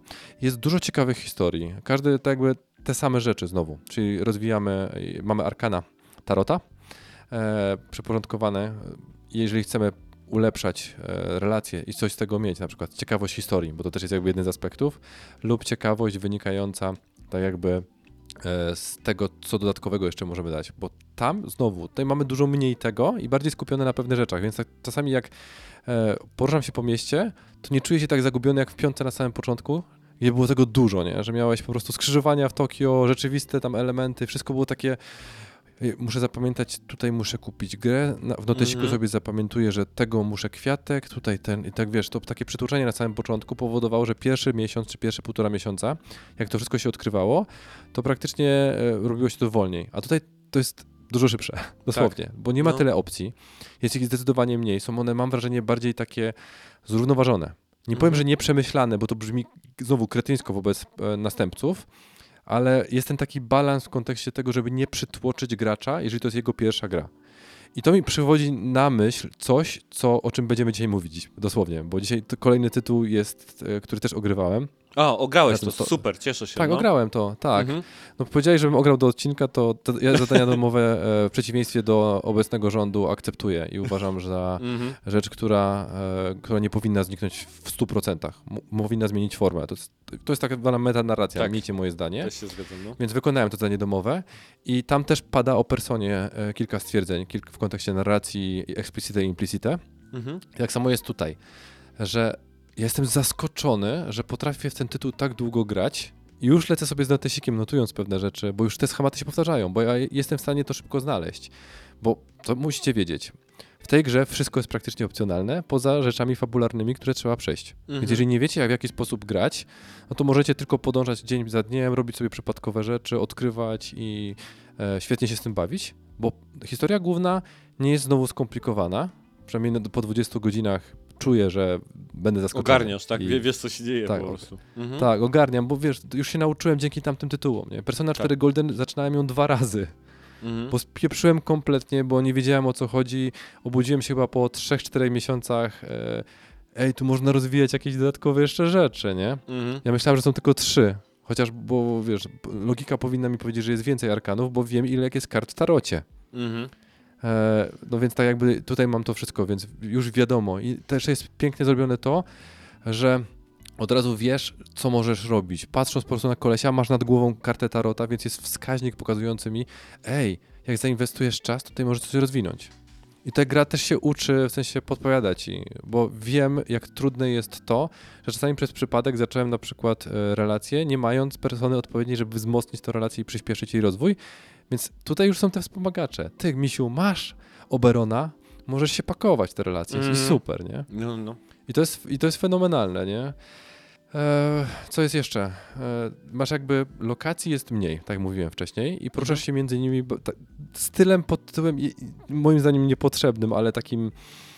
To jest taki ukłon do tego, co było wcześniej, nie? Bo lo- loadingi są szybkie i ten tylko taki graficzny styl poruszającego się hipka po tej planszy Tak, jest tylko tak. po to, żeby da, dodać taki, wiesz, taki smaczek. Nie musiałoby tego nie być, jest w ogóle ale... potrzebny. Nie, nie. No, no, no. Został po to, żeby, wiesz, pokazać coś, co było wcześniej, nie? W jaki sposób się poruszać i tak dalej. I to jest, wiesz, fenomenalne. E, I wcale nie jest, nie jest bolesne, bo to przemieszczanie się pomiędzy miejscami jest szybkie. Jest szybkie i darmowe, czyli nie trzeba jeszcze przynajmniej e, płacić, tak jak było w piątce, że niektóre miejsca po prostu od nas wymagały. Ale Mhm. w kontekście, wiesz, płacenia, to płacenie dalej jest dość ważnym elementem, bo jeżeli chcemy tę grę w dobry sposób ograć, w sensie optymalizować to wszystko, to mamy, uwaga, arkana, które dają nam progresję w różnych, e, w, w, z różnymi osobami, w różny sposób, w różnych miejscach i w różnych momentach, bo dalej nie wszyscy występują w każdym momencie. E, mamy stacje socjalne, czyli te takie e, w, trzy, które optymalizujemy, które maksymalizujemy. Dodatkowo, co możemy robić? Spotykać się z ludźmi, możemy e, pracować, są, z tego co wiem, jest, są miejsca do, do, do pracy. Możemy, co jeszcze robić? E, grać, jeść, tak jak zawsze praktycznie jest w każdej personie, Mhm. jeść. E, granie tutaj jest w, w jednym miejscu, z tego co pamiętam, e, arcade'y. Mhm. E, I mamy też re- requesty, które do, to jakby też dodatkiem. I te wszystkie rzeczy, jeżeli olejemy, no to lecimy, wiesz, i bawimy się, nie? Ale jeżeli, ja już, jeżeli kombinujemy i na przykład chcemy wiedzieć, e, chcemy to zrobić dobrze i na przykład chcemy relacje w odpowiedni sposób budować, to trzeba mieć personę. Mamy ograniczoną ilość miejsc, więc co? Robimy fuzje, Tak. które też były, robimy specjalne fuzje, re, e, albo e, przy, przywołujemy je z, z tego, nie, z kompendium. E, nie wiem, czy z encyklopedii, czy kompendium, które słowo jest pra, prawidłowe w tym momencie, ale jest przyzwanie, czyli płacimy kasę za to, żeby e, ona do, do naszego Przywrócić sobie, nie? Przewrócić. Nie? I to jest ta część jakby podzielona znowu, dzień jest podzielony na strefy, czyli mamy ranek, mamy e, i- przedpołudnie, południe, e, wieczór i po, znaczy popołudnie, after school to się nazywa, to nie jest Tak. popołudnie, tylko after school i evening. I w każdej z tych rzeczy mamy różne ilość, różne czynności, czy tam różne e, liczba w tym momencie, bo to jest ograniczona, więc możemy ją policzyć. Rzeczy, które możemy, możemy zrealizować. I to jest jakby jedna część zawsze każdej persony. Natomiast nie jest ona na tyle przerażająca i przytłaczająca, żebym się zgubił. To jest pierwszy raz chyba, w którym mam uczucie, Jezu, jestem u siebie, nie? Gramy, na, Mhm. gramy u siebie, Mietki, nie? I to jest, wiesz, cudowne naprawdę, e, naprawdę ciekawe, e, ciekawe uczucie. Chyba właśnie przez czwórkę wielokrotnie ogrywaną piątkę, którą, jak, jeżeli moja żona kiedykolwiek będzie słuchała tego podcastu, to ja nie powiem, ile razy piątkę przeszedłem i na ilu Na konsolach. marginesie, to ja może zdradzę. E, Bartek, czy ty czasem nie kupiłeś Royala e, nowego jakiegoś ostatnio? myślałem, żeby kupić na Switcha, bo na Switchu jeszcze nie ogrywałem Persony 5 Royal. Może by mnie coś zaskoczyło nowego, ale jak czekałem na Personę 3 Reloaded, to sobie włączyłem Personę 5 Royal i stwierdziłem, Jezu, jaka ta gra jest cudowna. Ja jak- to zobaczyłem na PSN-ie, patrzę, Bartek gra w Personę 5 Royal i chciałem, nie wiem, napisałem do ciebie, co ty robisz, kurwa? Nie, bo nie, bo nie, pierwszo nie, miałem nie. taką myśl po prostu, wiesz, jak w głowie myślałem sobie, Bartek, co ty robisz? Czemu ty znowu grasz w to? No bo e, problem z grami w tym roku, o którym będziemy dzisiaj gadać, e, jest taki, że jeszcze mam za mało czasu, żeby włączyć Baldura trójkę. E, I bardzo chciałem Personę 3 Royal e, ograć, więc trochę chciałem się rozgrzać, e, mając tam pół godziny czy tam godzinę grania. I dalej twierdzę, że te, te tytuły po prostu są fenomenalne i się nie starzeją. Ja się tak świetnie przy tym, przy tym wszystkim bawię. Mogę to dalej po prostu powiedzieć, że polecam. Szczególnie widać, że twórcy tego oni się uczą, bo przeskok pomiędzy piątką a Royal jest zauważalny. Tak samo jak to, co dzieje się tutaj, to jest powrót do tego tytułu w taki sposób, żeby go nie zniszczyć. Mam tak, to, to jest znowu moje wrażenie. Ale Mhm. dodać te rzeczy, które już się sprawdziły, czyli zrobić tak zwaną balans. I w kontekście, wiesz, to jest jakby ta pierwsza część, dlatego że e, z tyłu mamy plot. W ogóle go nie będę omawiał, co tam się dzieje, bo jest zaskakująco ciekawy. Mhm. Ciekawy, momentami spodziewany, nieprzekomplikowany, aczkolwiek znowu, jako fan persony jestem tak uprzedzony, że możecie mi mówić Tomek e, w kontekście PlayStation czy tam Sony. To, to takie same uprzedzenie jak ma Tomek, więc nie dyskutujemy w tym zakresie, po prostu ja to uwielbiam i to kupuję w całości. Nawet dzisiaj była promka na Personę 4 Golden e, na Switcha e, za jakąś tam śmieszną kasę. Mhm. Kurde, dawno nie grałem w ten tytuł na przenośniaku, no masakra. Dajcie Witę dwójkę. To ja obiecuję, że kupię sobie personę na pewno na Witę, na Witę dwójkę. E, To, jest, to będzie mój must have, bo ja po prostu uwielbiam te tytuły. I teraz wracając do Relo- Reloaded, nie robiąc już reklamy Mhm. pozostałem. Drugi aspekt związany właśnie z fabułą to jest tak zwany Tartarus. Czyli Tartar. Czyli e, w jaki sposób Japońcy e, po otrzymaniu dwóch silnych ładunków nuklearnych zaczęli łączyć multikulturalne e, elementy pochodzące z różnych mitologii, nie? bo tutaj mamy tarot, który tak de facto jest formą mitologii związaną z różnymi arkanami. Mamy tartar, który pochodzi z mitologii greckiej w tym, w tym momencie. Więc jak się tak naprawdę zagłębić, zastanowić się, no to niezłe tam mają te jazdy, nie? No i E, z tym wszystkim. Same persony przecież łączą chyba tak naprawdę wszystkie Jezu. możliwe religie, nie? Tak Oprócz naprawdę. penisa na kółkach, nie? No, Oprócz penisa na kółkach, który Okej, jest dobra. Akurat personifikacją penisa na kółkach rządu. nie chciałem łączyć z jakąkolwiek religią, natomiast y, są tam No nie, od, to jest, pol- to jest ewidentnie to, co robi po ZUS. Gabriele przez Chuja masz, chuja dasz, siwy. Na kółkach. Em, natomiast Bartek, y, dobra, jeśli chodzi o Tartarus, to, to dobra, to może teraz od razu o Tartarusie. Ja pamiętam, że Tartarus to była chyba jedna z takich rzeczy, które najmniej milej wspominam, jeśli chodzi o Personę Trójkę, bo jest on zdecydowanie, znaczy wtedy był dla mnie najnudniejszym elementem e, Mhm. e, E, czekaj, e, cztery literki, No. pięć literek. Grind, grind, grind, Tak, grind, grind. tak, to, tak, jest, tak. to jest, w każdym JRPG-u musi być łowienie ryb Mhm. e, i musi być grind. I to jest to miejsce e, grindowania, w którym naprawdę, znaczy ja mam wrażenie takie, ogólnie rzecz biorąc, patrząc na to, co było później, że e, to jest jedna wieża. Udaje jedną wieżę, którymi idziemy od samego dołu do samej góry. I jest tam w... Na pewno około 400 jest, na Tak. pewno, ale mam wrażenie, że jest ich więcej, e, tych, tych pięter i dojdziemy do 666, znając życie. Mhm. E, bo czemu nie? Kolejna czemu mitologia, nie? nie? Kolejna religia. E, Bawmy się tym i, i super. Natomiast powtarzalność pięter, randomowość w tym wszystkim, brak urozmaiceń.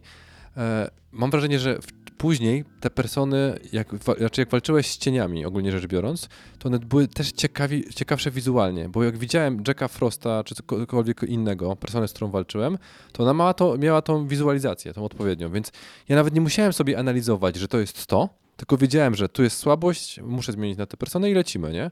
A tutaj się łapie w trakcie walki, bo ten Tartarus służy do walki, tak de facto. Mhm. Na każdym piętrze po prostu chodzimy e, i otwieramy skrzynię, otwieramy super skrzynie, które są na, e, na taki pyłek, który, który jest ograniczonym jakby zasobem, więc podejmujemy w tym momencie decyzję.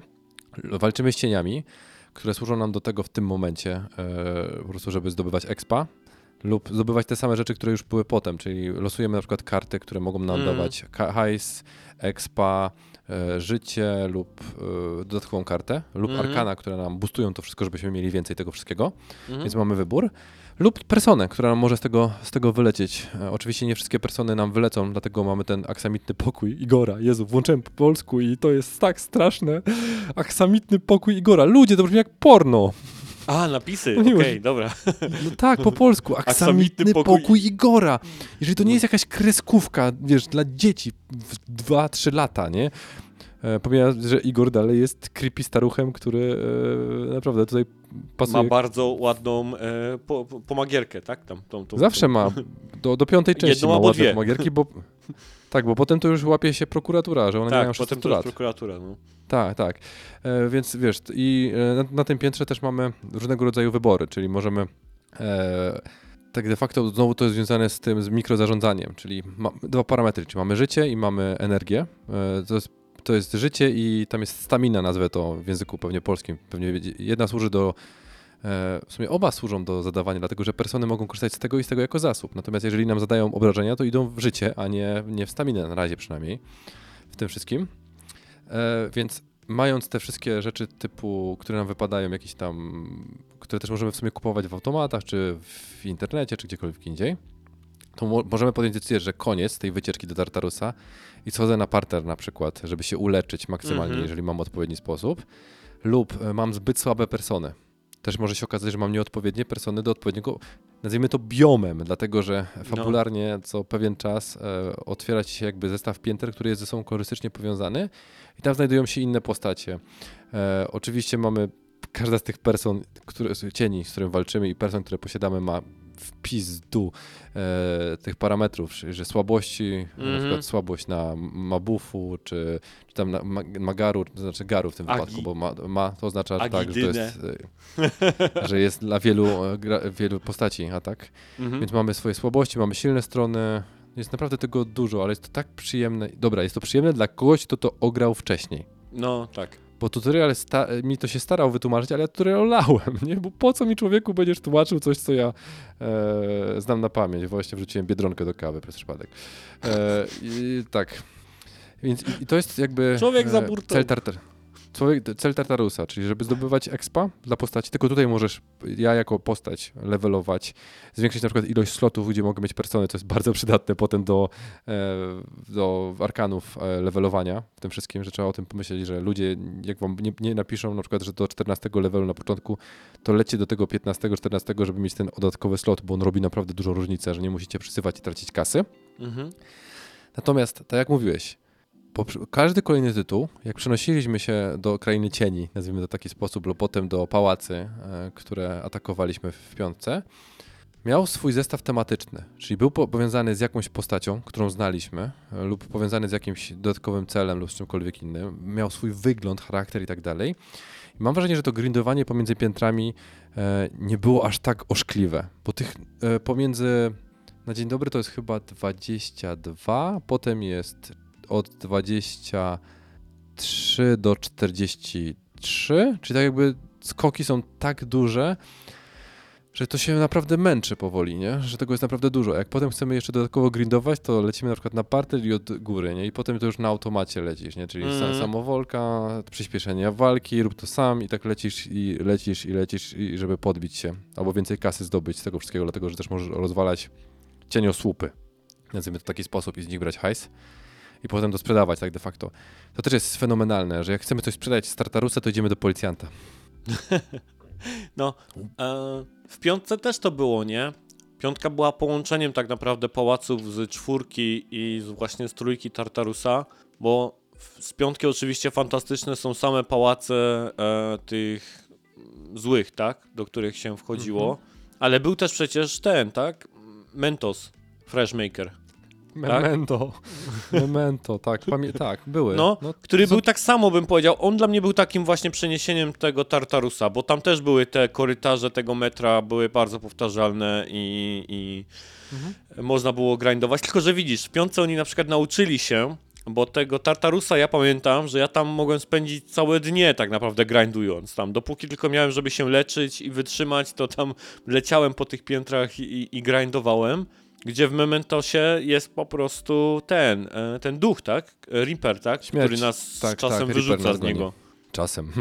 Panie, No. on, potem, wiesz, mówię, jak, e, są trzy rzeczy nieuniknione, nie? ZUS, podatki i ten Reaper, nie? Teraz w końcu e, dopadnie, na- ale można go pokonać, tylko że popatrz, co było. Tak jakby tutaj mamy strażników pięter, którzy blokują Mhm. przejścia po co tam co 5 czy co 10 pięter, e, którzy są walką. Nie wnoszą nic do historii, są nudni. Mhm. Plot, y, walki plotowe, e, które są jakby dzieją się gdzie indziej niż w Tartarusie, mają jakiś cel, jakąś historię do powiedzenia i tak dalej. I one są ciekawe z jakiegoś punktu. Natomiast w piątce, to co powodowało, że Mementosy, jak to mówisz, tak, Mementos the Fresh Maker, albo The Reaper Maker, e, były ciekawe, to jest to, że tam były jakieś zadania, które znaleźliśmy na zewnątrz Mhm. i ta postać, którą potem walczyliśmy lub w imieniu czegoś, co tam realizowaliśmy, też była formą historii. Czy coś Tak. wnosiła do, do, wiesz, to było ciekawe. Że o, o, znalazłem kolesia, który, yy, nie wiem, podglądał kogoś, czy został złapany na czymś i jest dopowiedzenie tego. A tu po prostu jest progresja między piętrami i mamy z jednej strony ten świat, który jest prosty, ale nadal ciekawy. Mamy historię ludzi, którym momentami się zastanawiasz, po co ja się spotykam z tą małą dziewczynką i dlaczego tu przychodzi ten creep w piżamie i jest, jakaś, jest jakiś rozwój tego wszystkiego. Mnie to ciekawi, nie? Niezależnie od tego, w którą stronę to pójdzie. Nie zawsze to idzie w dobrą stronę. Czasami to są przerażające, osobiste historie zwierzenia lub cokolwiek innego wynikające w, naprawdę z różnej sytuacji. Ale to jest ciekawe, jest różnorodne, coś się w tym dzieje, chociaż masz dużo powtarzalnych zadań, jeżeli faktycznie chcesz to optymalizować czasowo lub wziąć solucje z internetu, pewnie też są, mogę się założyć, że Mhm. istnieje przynajmniej na, na, jednym Game Trofiku, czy na czymś, czy na e, Trophy Hunterze e, taka, ta, taka rzecz. Ja zawsze robię pierwsze przejście, a potem New Game Plus lub cokolwiek innego, bo zawsze pominę e, i nie, nie znajdę na przykład jakiegoś arkana lub czegokolwiek innego. To to jest wpisane jakby e, w rzeczywistość. Natomiast tu ten tartar jest jakby przeciwwagą, w sensie, wiesz, jest mniej ciekawy, da się go przejść, czasami się to robi na, na autopilocie, nie wnosi jakby e, dużej ilości rzeczy, bo pojawiają się kascenki, które, wiesz, jakieś dyskusje lub cokolwiek innego, że między bohaterami lub cokolwiek Mhm. takiego, ale to nie jest ten, ten dynamizm ciekawości, który zostaje wprowadzony. Nie. I po drugim biomie widzisz po prostu, zmienili tapetę, zmienili światełko, z tyłu puścili na przykład zielone, ale w, w sumie to jest to samo. Tylko wprowadzają na przykład silniejszych bohaterów, wprowadzają jakieś stuny, wprowadzają dodatkowe rzeczy. Więc ten tu- tutorial trochę trwa długo, bo się po, pojawia to stopniowo, natomiast on jest w taki nieprzewidywalny sposób i nieuciążliwy, żeby nie było. To nie jest taki tutorial, wiesz, chamski. Natomiast to jest jakby minus tej gry. I e, w sensie minus. Nie, to nie jest minus pod tytułem nie grajcie w ten tytuł. To jest minus, jeżeli graliście kiedykolwiek Najsłabszy jego jakieś... punkt, tak? Po prostu. Tak, chyba. zdecydowanie najsłabszy jego punkt, bo walki dalej Mhm. są ciekawe. Tylko jak mówię, minus tych walk przez to, że znam na- kolejny tytuł, jest to, że decyzyjność czasami jest taka, że patrzę, ta książka to jest to czy tamto, albo ten potwór na ziemi to jest, to on jest e, uczulony, ma słabość w postaci lodu czy ognia, nie? I to jest tego rodzaju, że nie widać na pierwszy rzut oka. Persony, tak jak mówiłeś, e, które możemy zdobywać lub wytwarzać, pochodzą z różnych światów. Na przykład jest świat elfów, jest świat e, mitologii różnego rodzaju, No. różnych. Więc to, to, to jest, tutaj dali radę, więc to jest na tym polega absurd. Bo na przykład Jack Frost, który jest dla mnie takim dość ciekawym przykładem, albo inne, które się pojawiają, jak są u mnie, to mają pełną grafikę, pełną animację, pełny wygląd, nie? Mhm. Ale jak tam ze mną walczy coś, co e, teoretycznie e, powinno być tym, Frostem? to, to, teoretycznie, bo to nie jest. Nie? To No. wygląda jak. E, moja córka miała ostatnio katar, nie? E, I to myśmy katarkiem wysysali z nosa. No to wygląda dokładnie tak samo, nie? Tylko, że czarne. A moja córka nie miała czarnego, więc tu się akurat e, cieszę, nie? I to jest, to jest jakby to, że widać po prostu, że jest ta zaszłość historyczna, którą oni potem poprawili na plus, na duży plus, Mhm. na bardzo duży plus, bo e, zdobywam to, z czym walczę, nie? I zdobywam te persony i mogę potem znam ich słabości, bo z nimi walczyłem, więc wiem, jak przychodzi inny, który ma silne ZIO, czyli prąd, to nie wystawię tej persony, albo ją zmieniam tak szybko, jak to możliwe, bo znowu, u, u, jak dostanę weak e, spot, no to w tym momencie, wiesz, upadam, nie? E, I Mhm. on ma drugą turę, tak samo działa to po mojej stronie, więc te, te same mechaniki się tutaj przenoszą. Natomiast całościowo gra się bardzo broni. Się strasznie bardzo broni. W, te, no, ilość godzin, jakie poświęciłem w ciągu tygodnia. Mhm. Nie powiedziałem tego na głos, pamiętajcie. e, Jest naprawdę duża, nie? Jest bardzo wciągająca. I to jest ten myk, że e, dzięki temu ja naprawdę doceniam kolejne tytuły i widać po prostu jak oni naprawdę chcieli i słuchali ludzi i podeszli do tego zupełnie in, inaczej niż, niż bym się spodziewał. Jezu, Atlus, e, nazwany przez mnie Altusem, e, tak jak te głośniki wielokrotnie, Mhm. widać po prostu, że robi tytuły pod graczy. Uczy się po prostu na każdej kolejnej produkcji rozwija gdzieś tam te swoje pomysły i Mhm. wiesz, ja to nawet nie widzę nie z samych z Person, ale też z całej serii Shin Megami Tensei, którą oni e, również tworzyli. E, I dlatego ja podkreślam, że dla mnie piątka jest takim wzorcem perfekcyjnie zrobionej roboty. Royal. No tak, znaczy ja nie grałem w Royal, nie? Royal prawdopodobnie już w ogóle, e, który po prostu y, naprawia albo udoskonala nie tylko rzeczy, które ja znam z Person, ale w ogóle rzeczy, które ja też bym powiedział, które są zapożyczone bezpośrednio z Shin Megami Tensei. Więc to jest naprawdę takie magnum opus dla mnie, piątka. E, chyba jeden, wciąż dla mnie nie do ściągnięcia e, RPG, JRPG, e, w ogóle całej historii gier wideo. No ja, ja mówię, muszę zagrać w końcu, wiesz? E, bo tyle dobrze, ten Bartek i Piątkę? ten Tomek tyle dobrego mówią, że ja naprawdę muszę ograć jeszcze piątkę. Bo Dobra. Stary, jak my o tym gadamy, to ja sam siebie przekonuję, że powinienem w to zagrać. To jest najgorsze, nie? Że e, e, je- są takie tytuły, dosłownie są takie tytuły, do których ja mogę wracać i mieć z tego fan, niezależnie od tego, w którym momencie włączę. Bo to jest, to jest istotne. Ja ten tytuł na przykład wyłączam, e, wracam dwa dni później, dzień później i tak dalej i nie ma tego zagubienia, nie ma tego, wiesz, przerażenia. Są znowu tak charakterystyczne postacie, z którymi, wiesz, ci, z którymi walczę, w sensie, którzy są e, ze mną walczą, mają tak fajne persony i tak to wszystko jest, wiesz, zrealizowane, że to też jest szapoba, bo teraz mi przyszło, przyszło do głowy, że pomiędzy tytułami oni wprowadzają nowe osoby, nowe osoby Mhm. przywiązane do arkanów. Wszystko jest nowe, nowe, nowe, nowe. Nawet grafiki moich person i w jaki sposób jest powiązane na przykład em, Izanagi i tak dalej, tak? E, Tak, Od tego tak? wynika.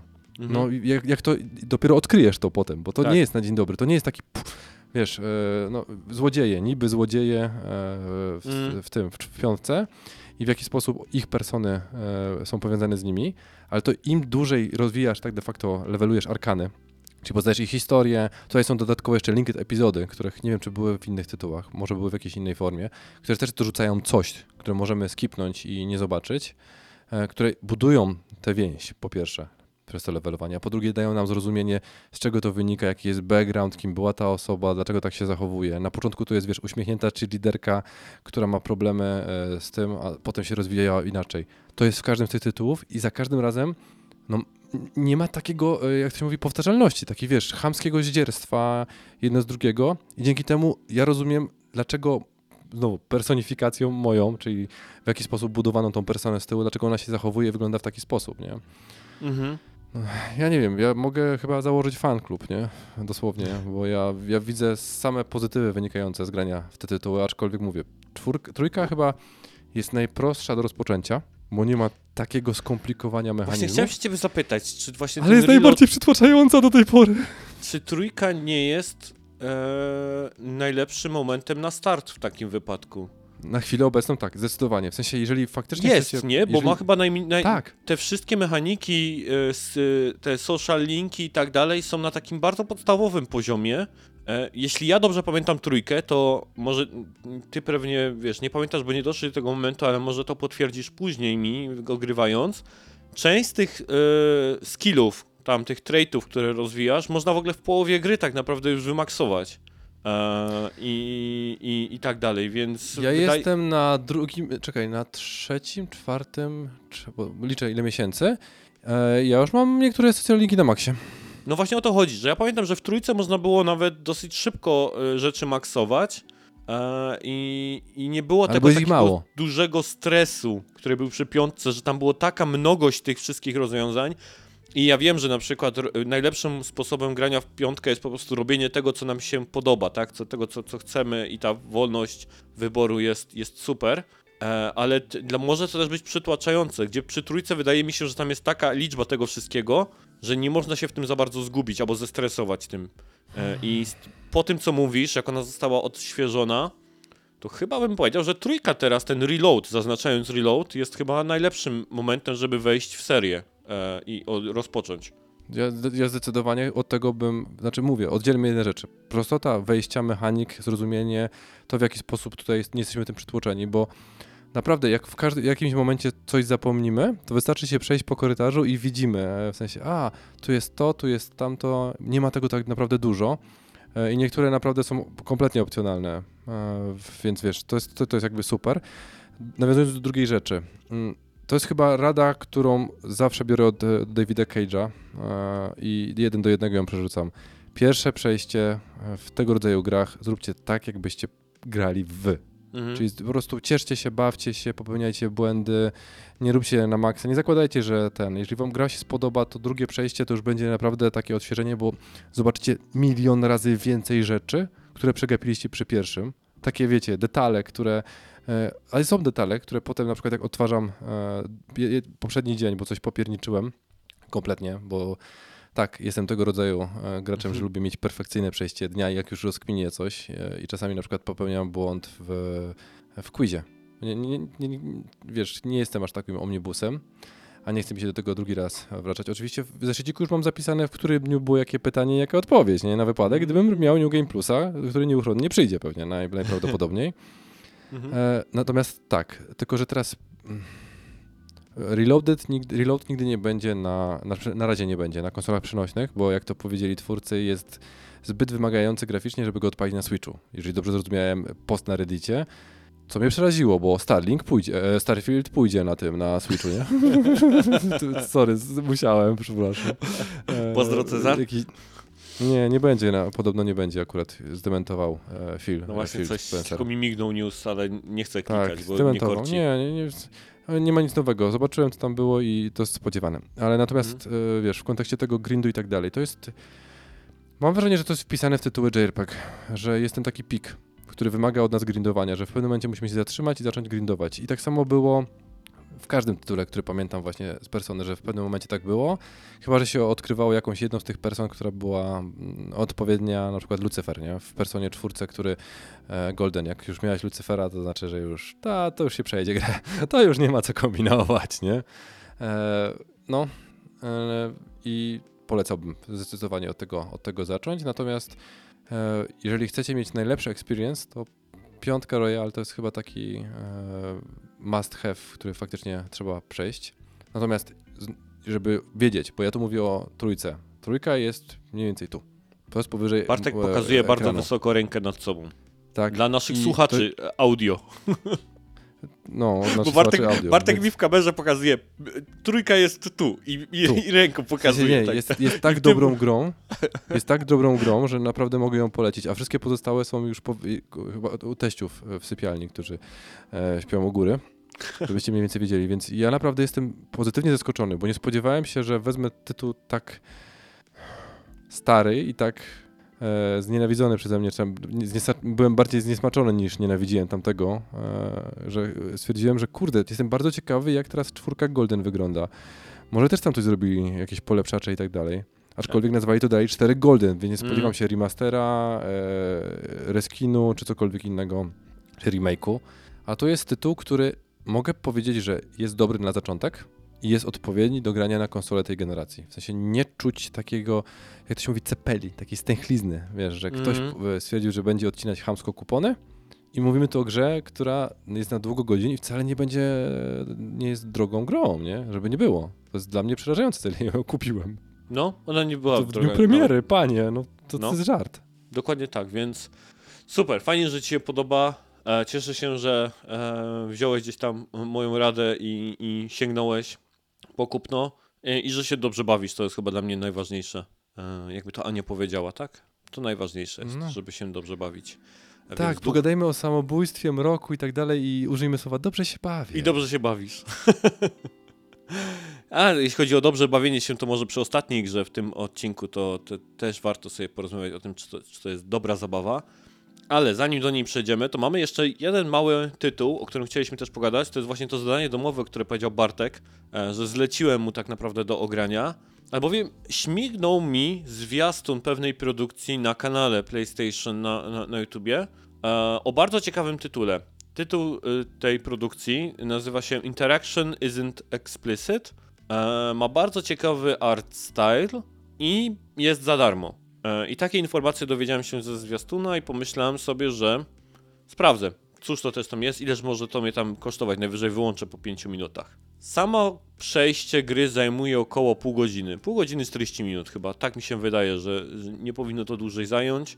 E, najdłuższym chyba elementem gry dla mnie było to, że jak sprawdziłem pucharka, że trzeba 7 headshotów e, z rzędu zrobić, żeby jeden z pucharków otrzymać, to chyba przy nim się zatrzymałem najwięcej. E, natomiast cała reszta gry stosunkowo łatwo e, udało się ją pokonać. Natomiast samo przejście gry i myślenie o tym tytule jako o grze nie jest tak jakby e, najważniejsze. Albowiem jest to, ta produkcja jest określana jako interaktywny esej w formie rozgrywki.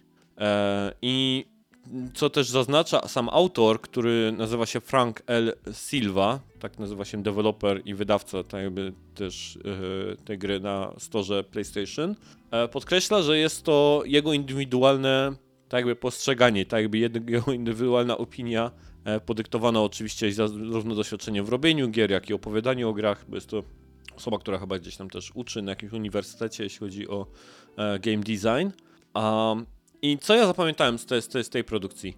E, po pierwsze, po, muzykę od razu sobie dodałem na Spotify, e, e, bo twórca Franz, e, Franz 79 e, z takim muzyką, która chyba na gatunkowo nazywa się French Touch, tak mi się chyba nazywa, tak chyba ten gatunek muzyki się opisuje. Wpadł mi mocno gdzieś w ucho i sobie słucham od czasu do czasu, więc sam, sama reklama, jeśli chodzi dla, dla twórcy, dla artysty, bardzo udana tej, tej produkcji. No jest to bardzo ciekawy projekt, e, który chyba Bartek najważniejszym jego tak jakby celem było uzmysłowienie tego, w jaki sposób wchodzimy w interakcję z różnymi elementami gry, tak? I opisanie, jak te interakcje w grze wpływają na nasze emocje, postrzeganie świata, czasem e, tak jakby w jaki sposób na przykład odczuwamy my wewnętrznie satysfakcję lub nie z tego, czy gra na przykład pozwala nam się wspinać na jakieś rzeczy, a kiedy zabiera nam możliwość wspinania się, nie? Tam był taki moment pokazany. E, albo podobał mi się też moment, kiedy ten autor pokazuje nam różnicę pomiędzy linką, którą możemy użyć, tak jak na przykład w Far Cry'u, tylko i wyłącznie raz, tak jakby bardzo kontekstowo, a linką, która jest obsługiwana na zasadzie takiej trochę jak w Spider-Manie czy, czy w Sekiro, gdzie możemy się w, w dowolne, tak jakby gdzieś tam gzymsy e, chwytać, tak? I, jak bardzo zmienia to nasze postrzeganie tego elementu rozgrywki, więc a, bardzo ciekawa produkcja. Ja lubię tego rodzaju eseje sobie słuchać i oglądać na YouTubie, potem rzucać je w wygrzebane z sieci rozważania na temat game designu. A tutaj zostało to zrobione w formie grywalnej gry, minigry. E, można się czegoś nauczyć o game designie e, na podstawie różnych rodzajów produkcji, bo przez napisy w grze autor e, odwołuje się do różnych ro- produkcji, e, do m.in. Final Fantasy XVI, do Dark Soulsów, do Shadow of the Colossus, e, do wielu, wielu różnych produkcji e, odwołuje się rozmawiając e, o nich i pokazując tam różnego rodzaju rozwiązania e, przy interakcji z, z grą. Nie, bo bardzo ciekawe, muszę powiedzieć rzecz i, i cieszę się, że to sprawdziłem. Nie wiem, jakie twoje wrażenia są z tego, z tego demówki. Znaczy, zacznijmy od dwóch rzeczy. Po co tu jest strzelanie? Eee, dosłownie, w sensie, to jest jakby, wiesz, jakby dorzucone na, sztucznie na hama trochę. Ja to tak odbieram, dlatego, że pozostała część to jest faktycznie dyskusja na temat e, pokazania wpływu odpowiednich decyzji projektowych na to, w jaki sposób gracz, a dokładnie e, jego przedłużenie, czyli postać, która tam jest, kto- jak, nie wiem, persona, charakter, czy jakkolwiek to nazwiemy, Mhm. w jaki sposób wchodzimy lub nie wchodzimy w imersję. Czyli jak, jak jesteśmy za rączkę prowadzeni tak bardzo e, filmowo, QTE i tak dalej, to jak na nas to wpływa.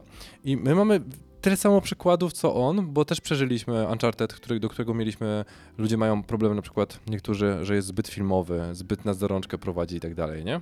Mhm. Z drugiej strony mamy e, gry, które nic nie tłumaczą, typu właśnie Soulsy, które też to są omawiane.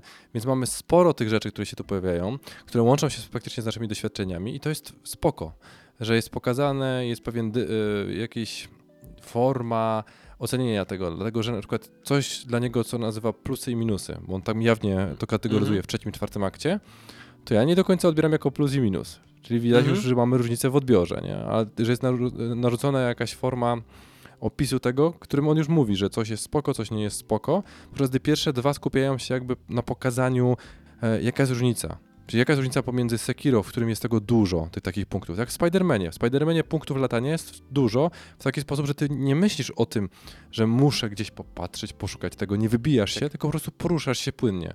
I to jest dokładnie to, że jakbym miał to pokazywać, to mając ten grappling hook, czy nawet w ten sposób poruszania się, to faktycznie wyszukiwa- wyszukiwanie odpowiedniego miejsca, do którego mogę skoczyć, że jestem e, blokowany i tak dalej, zabierana mi jest swoboda, e, wpływa na to, że z jednej strony źle się czuję w tym tytule, właśnie przez brak swobody, ale potem jak sobie popatrzę z punktu widzenia raczej konsolowo, to jaka jest różnica, ile pracy muszę wykonać, żeby można było się wspinać w Asasynie dwójce na pewne przedmioty, a na przykład w, w weźmy gdzie tych miejsc wspinania jest zdecydowanie więcej. Możesz wejść na każdą górę, na którą chcesz i nie są one takie explicite, w sensie, e, jak to się mówi ładnie, e, nie są takie wprost pokazujące, na przykład jak e, weźmy inną decyzję projektową z twojego ulubionego Horizona. Forbidden Mhm. West, nie? gdzie po prostu widać po prostu, gdzie są te miejsca, gdzie faktycznie ona, da się je Tak. podświetlić, ona się po nich porusza. Mhm. To jest ta różnica e, między różnymi decyzjami. To jest fenomenalnie, że z jednej strony mogę to porównać jako gracz, z drugiej strony jako, e, że ta sama gra, muzyka i tak dalej jest bardzo przyjemnym doświadczeniem, bo to nie mogę nazwać grą. Tak. Bo Nie czuję, że to jest Mhm. gra sama w sobie, nie? To są Mhm. tylko, wiesz, że czasami po prostu nie zgadzam się z pe- pewnymi wnioskami, a to strzelanie jest... Dodajmy do Journey strzelanie, no, no nie ma to sensu, nie? W sensie jakby go nie było, nie byłoby problemu, gdyby nie jedna rzecz. Bo na samym końcu była ta, e, dobra, będzie spoiler, będzie boss fight, nie? Mhm. który już jakby wdraża pewne decyzje, pewne rzeczy, pokazując pewne elementy, e, że jakby się poczuć na przykład, gdyby, nie były widoczne weak spoty. I ty widzisz tą czerwoną, ten czerwony ryj i myślisz sobie, to musi być weak spot. I celujesz, no, ty też pewnie na to samo wpadłeś, żeby celować mu w twarz. A tu Tak. się okazuje, że gra do tej pory ci uczyła pewnych rzeczy i powinieneś szukać zachowań, które w tej grze były dla nas wyuczone, Mhm. które non-stop widzieliśmy, a nie te, które e, domyślamy się przenosimy z innych gier, nie? Czyli tak jakby e, sama ta gra pokazuje nam swoimi mechanikami, swoimi rzeczami te rzeczy, o których opowiada. I to jest, to jest cudowne. Gdyby nie to strzelanie, e, pewnie Mhm. ten boss fight nie miałby sensu, nie? Więc ja za, zaczynając e, stwierdziłem, że nie ma sensu, a teraz doszedłem do wniosku, że sam sobie zaprzeczam, więc ma on sens, więc blablabla, rewind ma sens, dlatego że jest pod pewnym kątem przyzwyczajenia do pewnej mechaniki. I to jest super, nie? Bo wielokrotnie widzimy chamskie tutoriale, które nas uczą wszystkiego w taki sposób, że szybko zapominamy i mamy dobre tutoriale, na przykład w Mario 1, w sensie w pierwszym Mario, tym takim oryginalnym Super Mario, w którym e, no po prostu nas nauczył grać tę grę, wprowadzając pewne elementy, nie? Więc ja nie wiem, życzyłbym sobie więcej takich rzeczy. Nie, No. nie, nie wiem, czy ta forma jest odpowiednia, czy jest najbardziej odpowiednią dla mnie, natomiast zapamiętałem sporo z tego. Dzięki użyciu też muzyki, nie? Bo muzyka naprawdę jest... Ja nie, nie spodziewałem się tego, że będzie coś takiego... Ja spodziew... Zadanie domowe, no stwierdziłem pewnie jakieś pierdoloto i to, Tomek znowu będzie wywyższał się ze swoimi game devowymi ciulstwami, nie? E, na, na standardzie, a wyszło rzecz, którą naprawdę warto e, przez chwilę się e, zatrzymać, poświęcić temu te pół godziny, bo to nie jest dużo, to jest pięć chapterów, Mhm. każdy ma inną tezę i wokół tej tezy się, się porusza, ale pokazują nam e, te aspekty, które świadomie lub nieświadomie konsumujemy z różnego rodzaju gier i pokazuje, jaki to ma wpływ, nie? Bo to jest, jaki to ma wpływ na niego. To nie oznacza, że każdy zostanie wybity z imersji. Nie, nie, to tak nie zadziała, nie? Dla niektórych imersyjne jest to, że nasz przyjaciel e, Drake mówi, że nie zabijamy, potem wchodzi kascenka i po kascence 40 trupów. Ludonarracja. Tak, dysonans ludonarracyjny, to Mhm. jest to jedna z tych moich, ale dla, niektórych w ogóle nie, nie zostanie on w ogóle zauważony. nie? Zauważony, no. Tak, dlatego ja to jako taką ciekawostkę i też właśnie pierwszy raz coś takiego widziałem w takiej formie, więc pomyślałem sobie, że też fajnie byłoby to sprzedać na odcinku i może byście sobie sprawdzili. Naprawdę, no to jest za darmo, chociażby sobie muzyki posłuchać bardzo fajnej. To Znaczy też... nie za darmo, musicie kupić konsolę. No tak, okej, dobra. Więc jeżeli macie konsolę, to wtedy jest za darmo. E, Tak. tak, tak to nazwijmy. A więc e, jeszcze raz tytuł Interaction isn't explicit. Dokładnie tak. I teraz, mając te wiadomości na temat game designu e, i interakcji z otoczeniem, kiedy można, kiedy nie, em, zacząłem też patrzeć troszeczkę inaczej, choć to już nawet w pierwszych wrażeniach z The Last of Us Part 2 e, w wersji remastered e, opisywałem E, I to jest chyba coś, od czego chciałbym zacząć, może dosyć kontrowersyjnie, e, jeśli chodzi o tą grę. To fakt, że widać tutaj, ja bym powiedział, jakby to nazwać, pewną przestarzałość game designu e, Naughty Dog. Albo, nie wiem czy słowo przestarzałość to jest najlepszym, to jest coś, co przychodzi mi teraz do głowy, ale na przykład grając przez wiele innych gier z otwartymi światami, z różnymi rodzajami możliwości parkouru, przy, e, interakcji z przedmiotami, wchodzeniu na różne rzeczy, wieszaniu się i tak dalej, widzę jak bardzo perfekcyjnie skrojony e, jest gameplay tutaj e, w The Last of Us. E, I, I patrząc wstecz też pewnie w innych produkcjach, gdzie jeżeli mamy do przeskoczenia jakąś kładkę, to mamy jeden dokładnie miejsce, gdzie musimy się wybić i jedno miejsce, gdzie możemy się złapać. Tak, nie ma tutaj, tak jakby w tej grze jest jakiś tam system parkouru zbudowany, tylko że to nie jest tak, że możemy wejść na cokolwiek, tak? Mamy samochód, który stoi e, sobie po prostu na ulicy i nie możemy na niego wejść, ale mamy ten sam samochód podstawiony pod okno, ewidentnie przez które twórcy chcą, żebyśmy mm, przez nie przeszli i wtedy możemy na niego wejść. Więc a, to są takie rzeczy, które zauważam i które e, tak jakby zacząłem rozumieć niektóre komentarze, bo to, że przestarzały jest ten game design, to, to, to nie, nie, nie, ja sobie wymyśliłem takie rzeczy, gdzieś już e, widziałem i przesłuchałem sobie w sieci. E, rozwaliła mnie na przykład jedna ze scen, kiedy Eli wchodziła do hotelu Um, to gdzieś jedna z pierwszych gdzieś tam lokacji, bardzo na początku gry. E, wchodziła do lokacji po e, kubach na śmieci. E, przepraszam, kontenerach na, na śmieci. Przez, przez płot przeskakiwała. E, I dlaczego tak bardzo zapamiętałem w ogóle ten moment? Ponieważ e, przechodziłem po tych kubach, prze, przeskoczyłem przez płot i zapomniałem jednej karty e, w hotelu. I wiem, bo po procentach tam, które pojawiają się w E, w dashboardzie, kiedy się konsole odpali, to tam są te wskazówki, jak bardzo wyczyściliśmy daną lokację, to widziałem, że po prostu zabrakło mi jej i chciałem się wrócić. I ten kontener zniknął, e, który mi umożliwiał przeskoczenie e, przez, prze, przez no. Tak jakby nie zostało to jakkolwiek wytłumaczone, dlaczego po prostu go tam nie ma już, ale dziura gdzieś w ogrodzeniu na samym, na, na górze murowanego płotu została, natomiast sam kontener e, już go tam nie było w tym miejscu. Tomek, a nie przegapiłeś śmieciarzy? może przegapiłem To oni ci mają tłumaczyć, jak pracują? Wiesz, no, ludzie przyjeżdżają, no Wiesz, to nie przyszło mi po prostu, że w tym postapokaliptycznym świecie y, jeszcze dalej te y, służby y, sprzątające funkcjonują, ale tak, faktycznie, może po prostu nie zauważyłem. E, więc zauważam te wszystkie rzeczy, e, które mi pokazują, że hmm, bardzo jestem ciekaw, jak będzie wyglądała następna gra Naughty Dog. E, przy tych zmianach, które wprowadził w game designie, jakby też w oczekiwaniach graczy. E, Breath of the Wild, teraz Tears of the Kingdom, Elden Ring. E, jaki sposób będzie wyglądało kolejne The Last of Us, e, o którym podobno ostatnio się nawet dowiedzieliśmy cokolwiek, bo ja nie oglądałem tego filmu dokumentalnego Grounded, który tam się pojawił na, na, na YouTubie. E, ale podobno z niego mm, dowiedzieliśmy się, że są plany jakby na, na trójkę, cokolwiek by to miało oznaczyć. Więc to jest pierwsza rzecz, którą chciałem powiedzieć na temat The Last of Us e, i od niej gdzieś tam rozpocząć. I teraz w sumie chciałem się do ciebie, Bartek, spytać, bo ty grałeś w The Last of Us i masz też, mhm. bym powiedział, jakby, nie wiem, jakby to można było, no wiem, ale masz pewnie dosyć taką, nie wiem, solidną opinię na temat tego tytułu, tak chyba mogę powiedzieć.